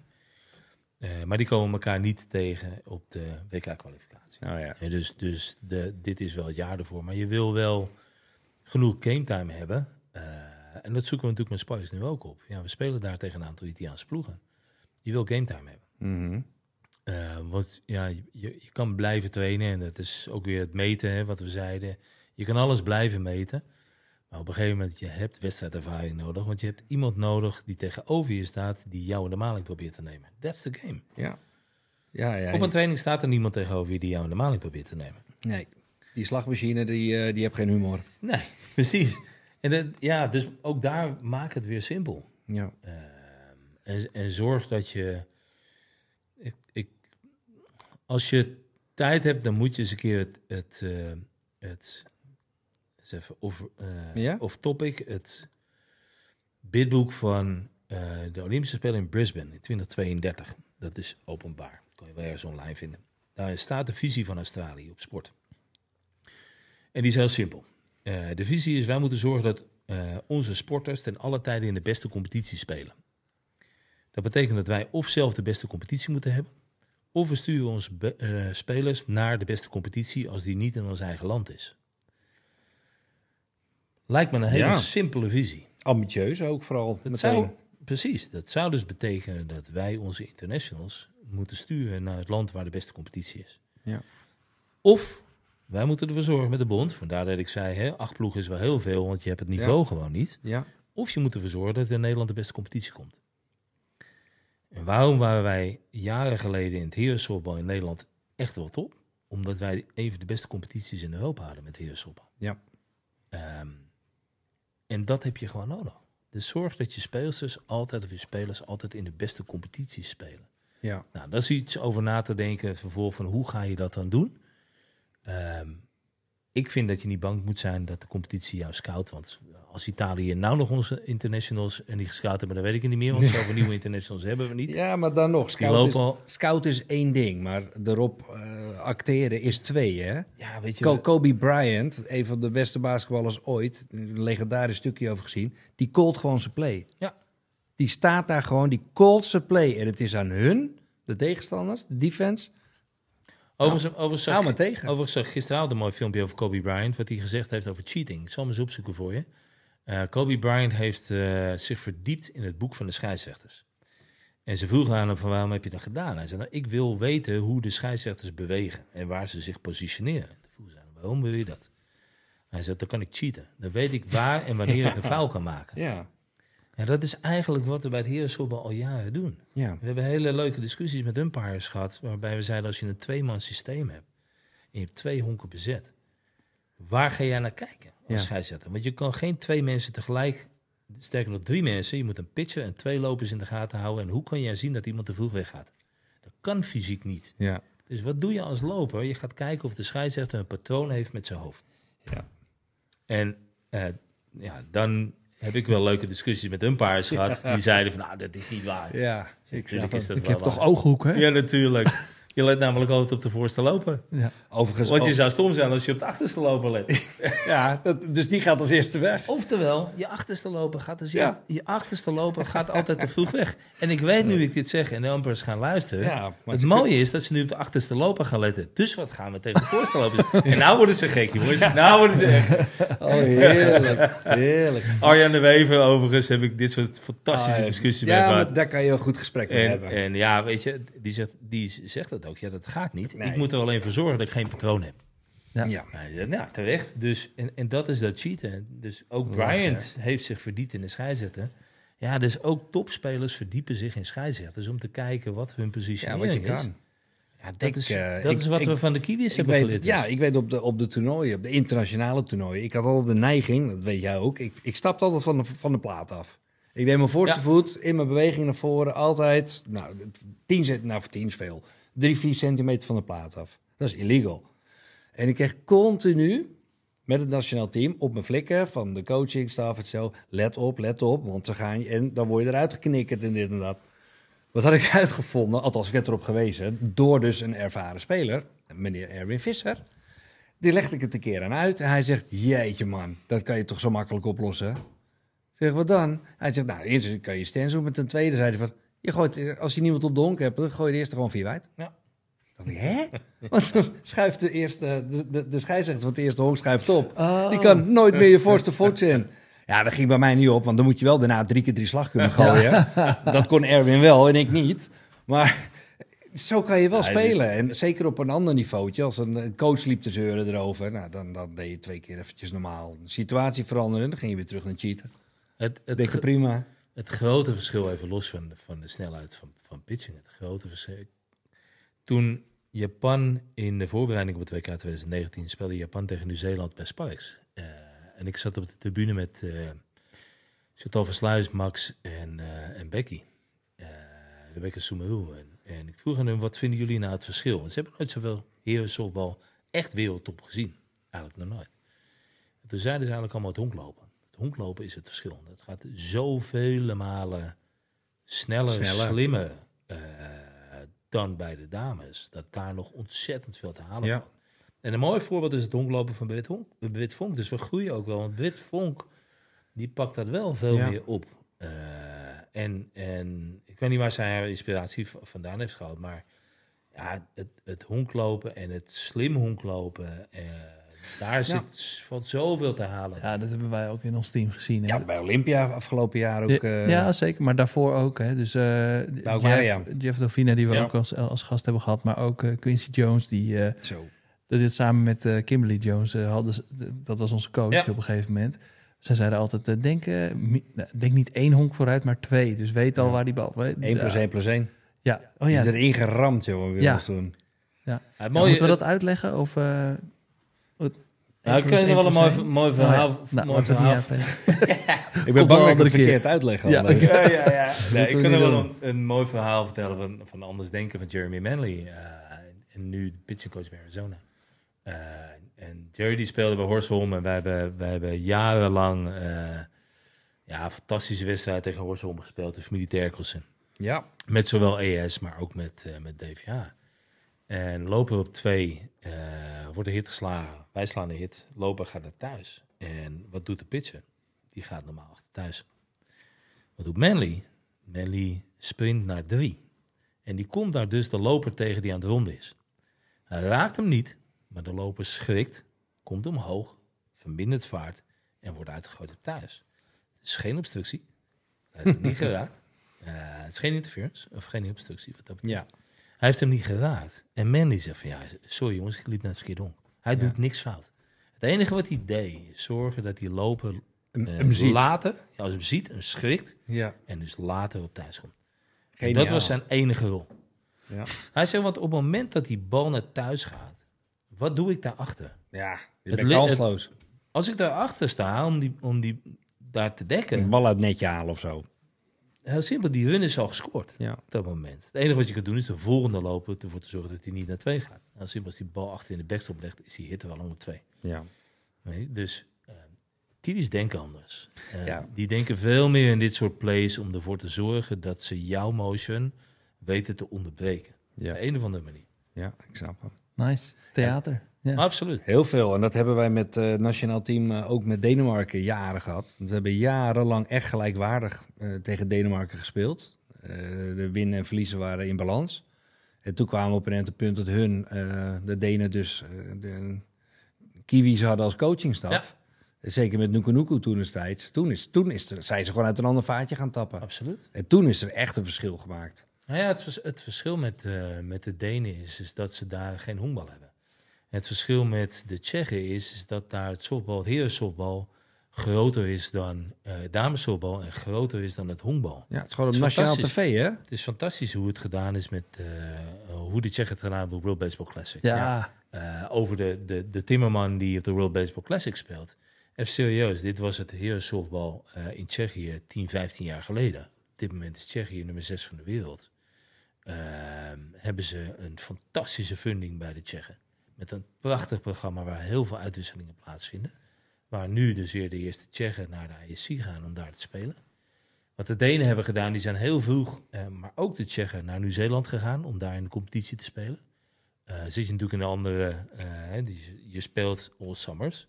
Dus in Ah, onze winter ja, speel je ja, daar ja, in de zomer, is zuidelijk halfrond.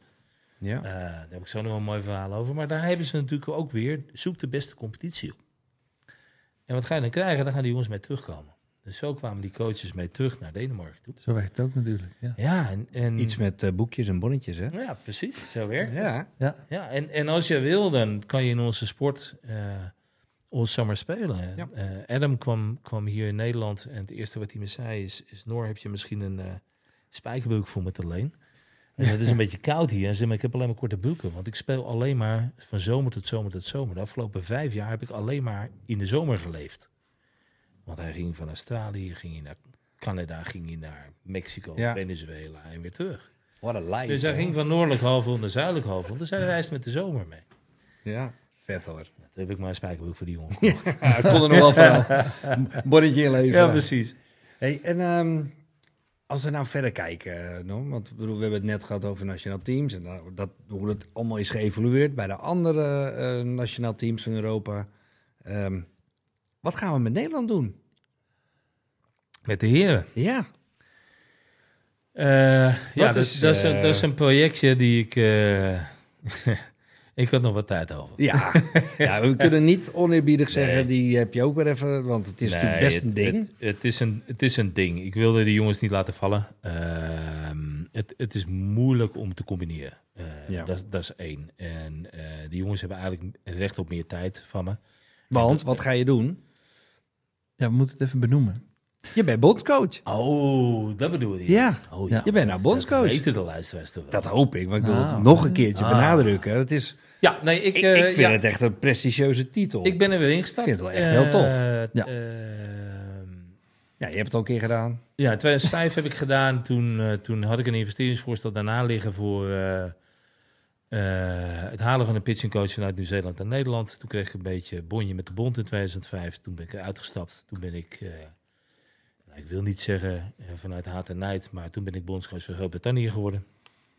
Dat was wel heel apart om tegen je eigen, eh, tegen je Ja. eigen land te spelen als bondscoach. Ja, dat geloof ik meteen. Moest je daar ook eh, dan naartoe verhuizen? Nee. Of, eh, Nee, Hoe- nee. hoe nou, ging dat dan? Nou ja, het was heel apart, want Groot-Brittannië had eigenlijk maar één Brit. En dat was een teammanager, zeg maar, op de score. En de rest waren alleen maar Canadezen, Kiwis en eh Ja. Ah. Australiërs. Ook echt een belachelijk goed team trouwens, hoor, toen. Ja. Dus eh, wij hadden geen eh, gezamenlijke trainingen eh, daarin. Ik heb het met Erik Vught gedaan toppers, op ja, ja. En Erik Vught samen het WK gedaan. Alles zelf gefund. Dus ook coaches zelf in te betalen. Maar het was een waanzinnige ervaring. Ja. Wie was jouw nummer 1 pitcher toen? Was dat Ha- Haldane? Ik had Haldane, ik had Darby en ik had Kyle Linton. Darby. ja. Holy shit. Ja, Sorry. ja. Ik heb één keer aan slag mogen staan tegen die man. en dat was ook per ongeluk. En ik weet nog goed dat ik zat, ik was aan het gooien geweest. Ik weet nog goed, een klein interference. Ik pak, ik word opeens geroepen, er was een fout gemaakt in de line-up of zo. Weet je, je moet slaan. Wat ik moet slaan. Tegen hem? Ja, het eerste wat bij mij draaide erom. Hè. Toen dacht ik, oh, oh, ik sla je naar je. Helm op, ga staan. Jezus, die eerste pitch, jongen. Nou, ik weet niet hoe hard die man gooit. Ja, Darby zat ook wel eh, boven in de 70 tegen de 80 aan. Eh, Maar het, het scary thing aan Darby was, is Darby was nogal wild. Ja. Hij, hij wist zelf niet waar zijn pist naartoe ging. Echt groot. en, eh, en een reisbal van hier tot Tokio. Darby heeft eh, tegen de Major League aangezeten als honkballer. Ik heb dus zitten kijken, die hele wedstrijd. En ik heb hem elke eerste bal een reisbal zien gooien. Voorslag. Er zat Stokfort volgens mij te catchen. Ja. En ik kwam maar zo. Dus ik ging zelfs helemaal voor in mijn box staan. Ik denk, ik ga gewoon als een blinde. Zodra hij loslaat, ga ik slaan. Dus ik faalde hem ook nog. En toen zag ik Darby ineens zijn ogen heel groot worden van... Oké, wat is dit? Ja, en daarna kreeg ik een drop in de curve en was ik weg. Maar Ja, dus dus sommige pitches, Waanzinnig. sommige pitches leren eh, daarvan. Hè. Ik kan me ook nog een situatie herinneren en je weet dat ik hem ging noemen. Ja hoor. dat is geen enkel probleem. Sommige catchers moeten ook nog wel eens wat leren af en toe. in Nee, nee, nee, nee, dat verhaal gaan we niet meer vertellen. Nee, maar eh, ja, Nederland is superleuk. Eh ben zeer vereerd dat ik het mag doen. Eh, we hebben een ontzettend leuke groep. Hebben ze weer Eh, bena hebben ze gevraagd? Is dat vanuit de spelersgroep gekomen? ja, het is, het is vanuit de spelersgroep gekomen. De bond had besloten dat ze niet verder wilden gaan met, met de staf die er zat. En vervolgens ben ik benaderd en gevraagd of ik het wilde doen. Ik heb met wat spelers gesproken. Ja. Met name ook met spelers gesproken die gestopt waren. Eh, of die weer terug wilden komen. Waaronder Eldrik Dijkhoff, eh, die, die toch wel cruciaal is voor ons. Kort stop. Korte stop, waanzinnig spelen. Super slagman. Eh, en die zijn Noor, als jij het gaat doen samen met Polo en, en Schilacci, dan stap ik er ook weer in. Dus op dit moment hebben wij vijf prospects op Aruba zitten, die keihard aan het trainen zijn. We hebben een groep van een man of 24, 25 nu samengesteld. Ehm, ja, zeer gecommitteerd die jongens. Ja. Dat is erg leuk. Pitching is nog steeds ons probleem in Nederland, dat weten we. Ja. Eh, dus we moeten slim zijn. We moeten bij de eerste drie eindigen om naar de voorronde van het WK te komen. Eh, dat kan, daar heb ik alle vertrouwen in. Maar we moeten gewoon slim zijn. Je, moet- je moet je wedstrijden uit Ja. zien te pikken. En je, je hebt je must-wins en je hebt je... Ja, en de eerste drie is Europa. De eerste drie Europa die gaan naar de voorbereiding voor het WK volgend Ja. jaar. Ehm, en ja, Is daar een extra plek bij gekomen? Want kan Nee, me eens de- herinneren dat dat de eerste twee was. Nee, het systeem is anders geworden. Maar dat is door de, zowel de honkbal, de softbal, damessoftbal en herensoftbal is één systeem. En dat betekent dat je gaat kijken naar de Olympische cyclus. Dus je hebt een, een vierjarige cyclus bij de Olympische Spelen. Het ene jaar is de Spelen en de andere drie jaren zijn er WK-toernooien. Oké. Eh, dat betekent dat je een, eh, een kwalificatietoernooi hebt. Dat was het EK bij de dames bijvoorbeeld. Die Mhm. hebben zich gekwalificeerd. Nou is het dit jaar zijn er drie ehm soorten semifinals eigenlijk. Eh, Meetmomenten. nee, dat zijn toernooien waar je kan kwalificeren voor de finale ronde. De finale ronde blijven maar zes ploegen over. Dus het, het, het definitieve eindronde van het WK zijn maar zes ploegen. Oké. Eh dat, één, dat heeft met die cyclus te maken dat je meer toptoernooien wil hebben in zo'n Olympische cyclus. Twee, denk ik ook dat het te maken heeft met het feit dat het organiseren van een WK heel veel geld kost. Eh, Ja. En dat betekent dat je als organisatiecomité veel moet betalen voor verenigingen, maar ook voor alle officials die er komen. En er komen iets meer officials en eh, verenigingen, landenteams natuurlijk. eh, bij een EK of een WK met eh, 32 landen of 16 landen, dan dat je een eindronde met zes ploegen hebt. Ja. Dus dat, dat kost wat minder. En dat betekent dat je dus ook dit soort toernooien kan houden in landen waar je het normaal niet ziet. Want waren de landen waar de toernooien werden gehouden? Amerika, Canada, Australië, eh Nieuw-Zeeland bij de Nieuw-Zeeland. heren en eh, Zuid-Afrika Japan. een keer? Zuid-Afrika Ja. een keer. Eh, en wat je nu ziet is dat de, bij de dames bijvoorbeeld de WK-rondes plaatsvinden in Italië, Spanje en Dublin. En dat is natuurlijk superleuk. En dat is een gezamenlijke pitch geweest. De eindronde vindt vervolgens in 2024 in Italië plaats. Italië heeft het wel slim gedaan. Dat betekent dat Italië zich niet meer hoeft te kwalificeren. Want als hostland Mag je mee? mag je mee. Ja. Dus goed gedaan Italië. En wij hebben zitten dromen, maar dat is mijn mening. Ja. nee. Ja, ik kan me Eh, indenken. Ja. Ja, dus, ehm, en, dus dat betekent dat, eh, dat er inderdaad iets is veranderd daarin. Eh, dat betekent ook dat het behalen van een eindronde van de WK heel lastig wordt. We zijn op dit moment geen top 6 land bij de herensoftbal. Maar dat het behalen van de halve finale wel degelijk mogelijk is. Eh, En dan kan alles, hè? en dat kan alles. Ja, en dat dan- weten we. De balletjes rond. Kijk, we, we, ja, we, we hebben dat kan echt alles. Sings. We hebben een fantastische eh, defense, we hebben een fantastische offense. En, en het enige in Nederland waar wij achterlopen bij het herensoftbal, maar je ziet dat ook wel een beetje bij het damessoftbal, is pitching. Ja. En dat is heel simpel. De, in Tsjechië combineren ze de, de, de kennis van het herensoftbal en damessoftbal. Eh daarom vind ik het ook zo grappig dat het, het damessoftbal in Denemarken niks voorstelt, terwijl het herensoftbal het zo goed doet. Ja. Zie je op wereldniveau met Argentinië. Ex-wereldkampioen, hè? Eh, en die ex-wereldkampioen op damesniveau is niks. ja, hoe kan het, hè? Bizar. Echt bizar. Ja, ja wat, wat je al zei over de manier hoe ze het in Tsjechië aanpakken. Dat ze toch de jonkies de kans blijven geven. Elke week om zichzelf uit te dagen en te trainen en te, en, te spelen. Wedstrijdritme te doen. Ja, en, toch bij de dames, en dat is weer het grappige, bij de dames komt het niet helemaal uit de verf. Maar dat hebben we bij de heren ook jaren gezien. Ze komen op een gegeven Ik weet dat eh, onze goede vriend en ex-EAS-bulldog eh, David Mertel eh, ooit tegen me zei... Noor, het enige wat ons nog weer houdt van eh, succes is we moeten leren winnen. En het leren winnen is, is iets anders dan goed spelen of de grootste talent hebben. Ja, Je moet leren winnen. Eh, en dat... eh, Hebben we hem weer. ja ik, ik heb hem meegenomen hoor. ja? Ik heb die echt, die filosofie, die visie heb ik vanuit ES altijd meegenomen. Hij daar vandaan? Oh ja. Die, komt, die komt echt daar vandaan, ja. Nou, je hebt het En inderdaad dat- dat- afgelopen jaren een paar keer gezegd. Dat kan je zo Dit breed uitrollen als je winnen. wil. Ja, Ik ja. heb bij Alkmaar gezegd, daar was ik ook blij dat onder andere Jeff Delfina toen overkwam. Ja.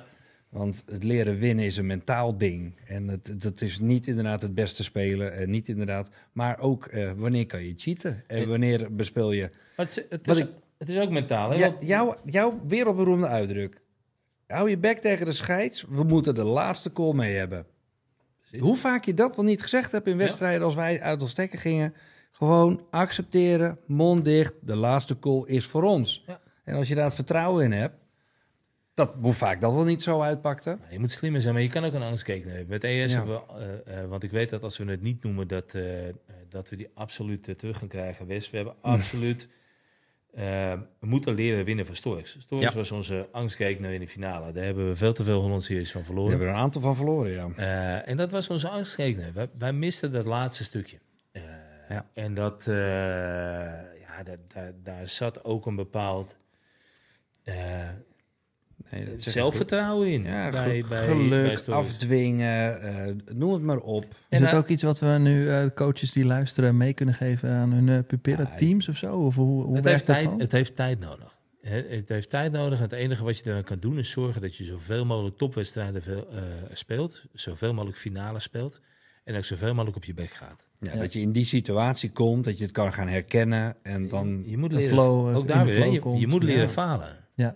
En als je, als je niet leert falen en daar niets, niets mee doet, dan Ik ga had, je het niet ik had er nog een vraagje over. Want ik hoorde jou net zeggen van... ehm, eh, ik zie af en toe Esme en dan hoor, zit ik in de backstop... en dan moet ik naar het outfield lopen. En, dan, en toen dacht ik ineens van... oh ja, als je dan ineens kijkt als vader naar je eigen dochter... en die faalt... Oeh, doet pijn.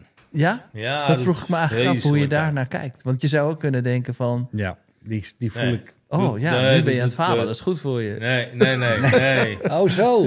Nee, ja, nee, nee. hier leer je nee. van. Nou, op dat, moment, op dat moment denk je niet zo. Op dat moment eh, eh, eh, doet het gewoon pijn. Eh, klaar. Eh, Ja. als je eh, s s'avonds met een biertje even achterover eh, op een terrasje zit na te denken... of je zit eh, de, de week na het toernooi erover na te denken Ja. wat er gebeurd is... dan kan je ook zeggen, oké, we hebben veel geleerd.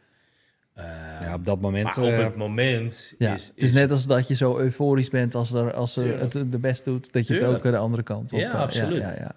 En dat is, en, maar dat is, hetzelfde, dat is hetzelfde wel als coach. Weet je, verliezen is, is absoluut niet leuk.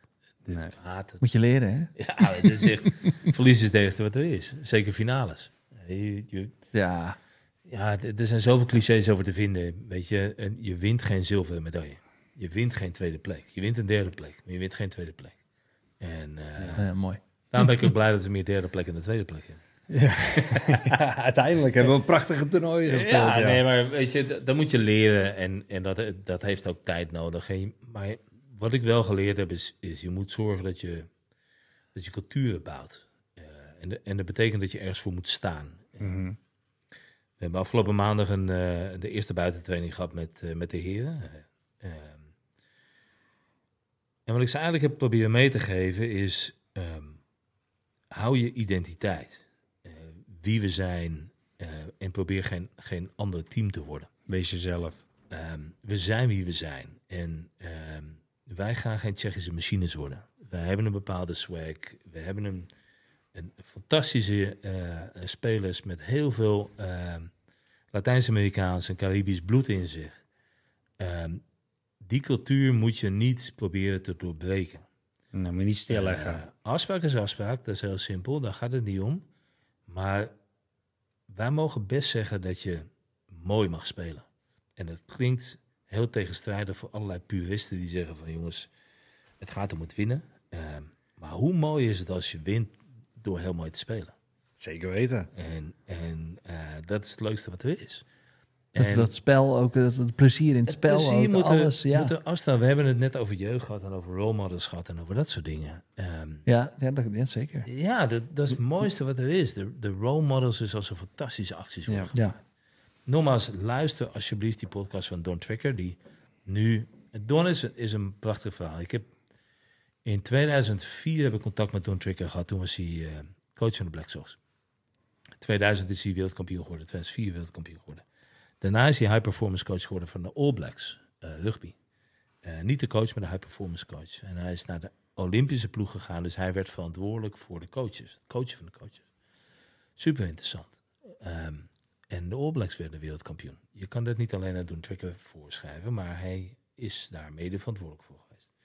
De man is ontzettend humble. eh, ik, ik spreek hem heel af en toe en het is fantastisch. Don is nu de high performance coach van de San Diego Padres geworden. Ehm, San Diego Padres heeft een, een, een hele interessante eh, visie. En dat moet je maar eens luisteren in die podcast. San Diego Padres zal altijd moeten opboksen tegen de LA Dodgers. Ze zullen nooit de budgetten krijgen van de Dodgers. gaan zij Sander Boogaerts 280 miljoen voor 11 jaar betalen. Dan gaat de Dodgers er overheen met een bod van 350 miljoen op iemand anders. Let maar op. Ja. Maar wat hebben ze wel voor elkaar? Ze hebben een bepaalde visie neergezet. En die visie is dat, ehm, dat ze hun, hun why hebben bedacht. Waarom zijn we hier? Eh, en die why hebben ze heel duidelijk geformuleerd. En die moet je echt gaan luisteren. Het, het komt er in kort op neer dat ehm, de coaches ervoor moeten zorgen dat ze faciliteren. Zodat de speelsters het beste uit zichzelf kunnen halen. En plezier kunnen geven aan zichzelf en aan de fans. Dus dan mag het mooi zijn. Dan mag je een Tatis hebben en een Machado hebben en zometeen een Sander Bogarts hebben. Ja. Die één fucking goede spelers zijn, maar twee heel, hele grote fanbase hebben. Ja, zeker. En dat, dat komt omdat ze, er zit een bepaalde swag in. Ja. Wat- we tegen de jongens afgelopen maandag hebben gezegd, laat niemand je ooit vertellen dat je van identiteit moet switchen, want dat zijn we niet. Weet je, eh, als iemand zegt dat wij straks verliezen omdat we een plete gemakzuchtig hebben gemaakt, dat is bullshit. Daar verlies je geen toernooi op. Maar we zijn wel wie we zijn. Dus behoud je identiteit als ploeg zijnde. Gaat het niet veranderen, want dat ben je niet. Maar was je, daar was je daar zo bang voor ook dan? Nou ja, ik, ik, ik weet... Criticasters hebben het er vaak over ik- gehad in het verleden. Ja, dat- Ja? Nederlands team. Ja, dat het te veel eh, in hun ogen dan te makkelijk wordt gespeeld. het- Kijk, het laat- is- Laten we zeggen, de veldspelers, ik noem een, een Emeron, een van de beste infielders ook die, die er zijn. Die kan vanuit een bepaalde hoek en reflex zo mooi en makkelijk die bal op één gooien. Maar nee, dat moet dan weer volgens de geleerde. Moet je hem pakken, stappen, opendraaien en speren op één. Laat die jongen nog lekker. Je hebt de laatste Ja, jaren... ik heb daar nooit eh, moeite mee gehad. Behalve dat ik uitging de hele tijd. Nee, maar Ja, wij- ja, wij- dat dus. Ja, maar- ja, wij zijn natuurlijk een, een volk van de zijnpissers. Dus wij vinden altijd Oh ja, een reden wanneer iets. er iets fout gaat. Ja. Het, het Nederlands team ehm, eh, wordt uitgeschakeld op de World Baseball Classic. Ja. Oh, dat, dat da- was het goede voorbeeld wat je precies wat nu- van, dat was helemaal stil. En ineens zie je, ja, dit en dat. En de Exact. pitching. En, de, En nee, het was de, de coach. Nee, het was Exact. dit. Het- Nou, ik dacht echt, eh, wat, eh, Ja, nu komt er en allemaal hè? onbekende mensen ook ineens Ja. in, Ja. in, in- zo Facebook. makkelijk. Dus, dus zorg dat je... En we gooien het dan vaak op, eh, op, op gemakzucht. Ja. Nou, geloof me, al die jongens die daar gestaan hebben, eh, willen niet verliezen. maar die zijn wie ze zijn. Eh, dus ga geen identiteit veranderen van mensen om aan een bepaald beeld te voldoen wat anderen willen zien. Je bent wie je bent. Het is als coach de taak om ervoor te zorgen dat die mensen goed met elkaar overweg kunnen. Ja. En ervoor te zorgen dat je de juiste mensen bij elkaar brengt. En dat je een cultuur creëert Ja. waarin zij kunnen excelleren. Het En wat is, eh, wat, Ja. is, wat is dan precies de why? Of is dat dit? Nou, ik, ik, Dat is moeilijk, hè? Ja, ik ken hem niet uit mijn hoofd, maar het heeft Nee. inderdaad te maken met eh, dat zij plezier willen geven aan de fanbase. Eh, daar heeft het mee te maken dat ze zichzelf zijn. Ehm, en de rest moet je in de Don't Tricker podcast luisteren. Ja, ja, precies. Ja, ja. Maar je, je had echt de spijker op zijn kop. Want Danny Romley zei dus precies hetzelfde. Cultuur, Wij, flow, wij ja. vroegen ook aan hem van wat zou je veranderd hebben in Amerika? En het eerste volgens mij was zijn antwoord meteen van ik had meer mezelf moeten blijven. Het is ik had. Ja. meer bij mezelf moeten Ja, zijn. inderdaad. Want ik ging dingen doen wat ze me vroegen. En ben mezelf een beetje verloren in die Oh, nou, periode. nou, Weet je nou, nog? Ja, ja, ja. Precies dat. Het mooie voorbeeld van Tricker op dit moment is dat hij zegt... Amerika zit vol met trainers en te weinig coaches. Ja.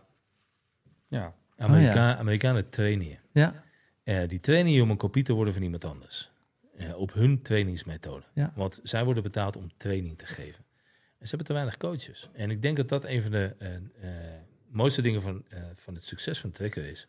En die het heeft bewezen bij de, bij de Black Sox, bij de All Blacks. En nu ook bij, bij de San Diego Padres. Hij zegt overigens dat hij zelfs de grootste fraudeur is van de hele wereld. Ja. Eh, dat, hij, dat hij in deze positie zit. eh, terwijl hij een, eh, een ICT-achtergrond heeft en niet voor gestudeerd heeft. Dus is Reinder een is beetje nog zichzelf aan downplayen. ja, Ja, ja. ja, er, is nog, er is nog hoop voor je. Ja, ja, ja. Nee, maar het, het, ja, de man maakt het hartstikke simpel en, en, ehm, en legt, legt heel veel dingen bloot die we eigenlijk al wisten, maar hij durft het te zeggen. En dat, eh, ja, de man is een, een mooi voorbeeld voor me. Ja, ik hoop alleen maar echt van harte dat je ehm, de swag weer terugkrijgt in het Nederlands voetbalteam. Want ik heb dat met een aantal jaren van dichtbij mogen meemaken en het is fantastisch. Ja. Tuurlijk. En Nederlands softbal moet gewoon weer bij die top drie van Europa komen. En waar Nederland altijd heel goed in was, was de defense. Ja. En ga die jongens inderdaad nou gewoon lekker niet opnieuw eh het, Je moet ze niet opnieuw spelletje uit. eh, nee. En dan hebben we maar iets minder de pitching. Maar als onze verdediging het kan opvangen, over de offense hoeven we het helemaal niet te hebben. Nee, de- ja, de- ook daar, weet je, is het... De, de offense van Tsjechië is fantastisch. Eh, heel simpel. Die jongens die eh, gaan één keer per jaar naar Argentinië toe. eh, voor tien dagen en spelen daar fantastische toernooien. Ja, en hoeveel wedstrijden spelen ze dan wel die, even niet? die funding hebben wij niet. En waar iedereen tegenwoordig over lood hebt en voorzichtig zijn en bang voor blessures. Heel simpel, deze jongens spelen in tien dagen twaalf wedstrijden. Ze zijn eh, vorig jaar naar Florida geweest en hebben ze in zes dagen hebben ze geloof ik tien wedstrijden gespeeld. Ehm, jongens, zorg alsjeblieft dat je topwedstrijden speelt en top pitchers feest. Ja. Want alleen dan wordt je offense beter. Ja. Je offense wordt niet beter door eh, in de slaggooi te gaan staan. Wel tot een bepaald niveau, maar de, nogmaals, het is geen stilstaand object. Er staat iemand tegenover je die de bal zo hard mogelijk afvuurt en laat bewegen en jou de maling probeert te Ja. nemen. Ja, ten alle tijden. En moeilijker is het niet. Duidelijk. Dus zoek die persoon dan op. Ja. Ja. En, en dat, ja, daar, moet, daar moet je middelen voor hebben.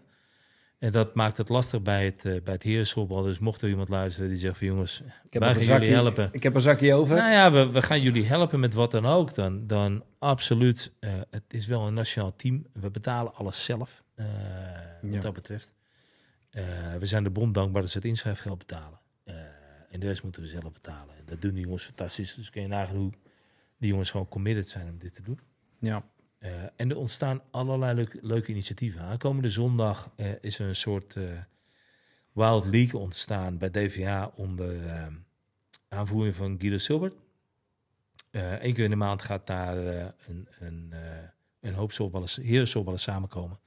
Daar maken we drie of vier teams van, afhankelijk hoeveel mensen er zijn. Dan gaan we gewoon lekker ballen. Oké.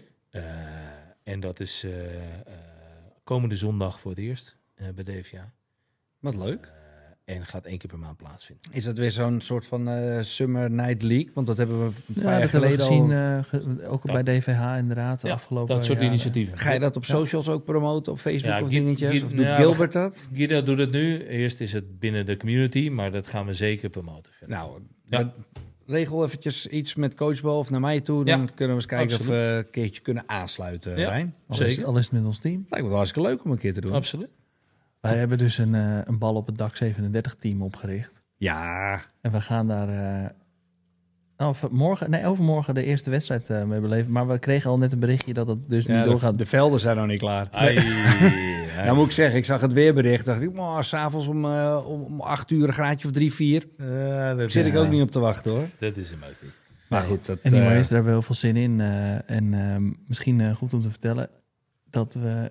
Of is dat nog niet het moment? Moeten we eigenlijk wat meer afronden nog? nee, dat mag wel. Ja? Ja, we kunnen zo ook afronden. Wat We, gaan een beetje, ik wou zeggen, we gaan, we gaan een beetje eh, de underground eh, weer in. Wij gaan het eh, seizoen verder spelen. We gaan verder met coachen.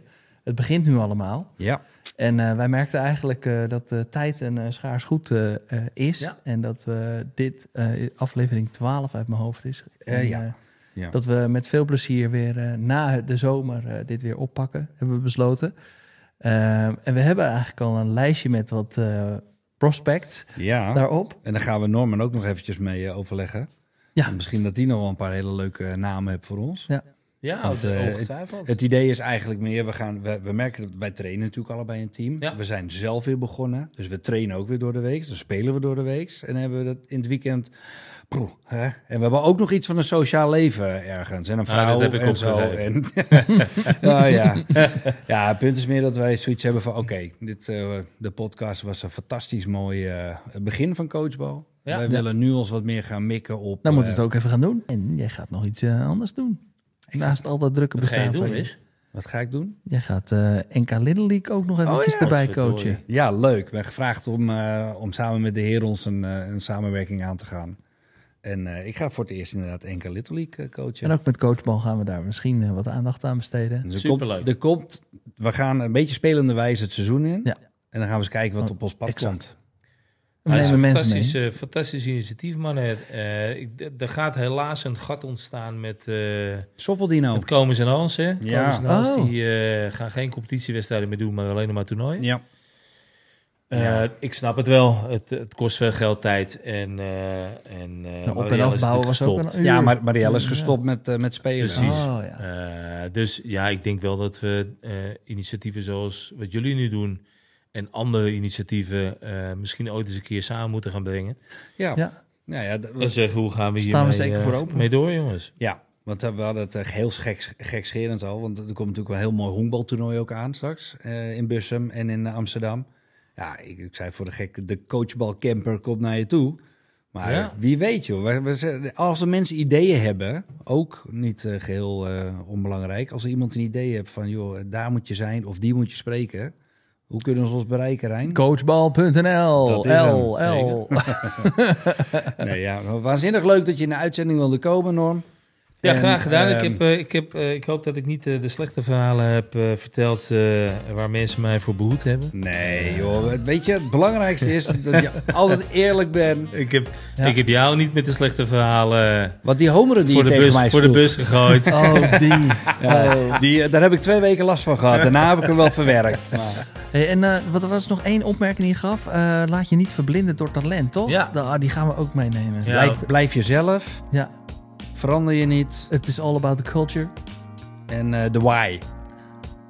Is ook belangrijk. En, en dat boekje. Precies. ja, het bonnenboekje. Het Bonnenboekje. Gunste boekje. Gunste Het boekje. Ah, top. Maar boys, dank jullie wel. Dankjewel, man. Merci. Super. Cheers. Thanks, amigo.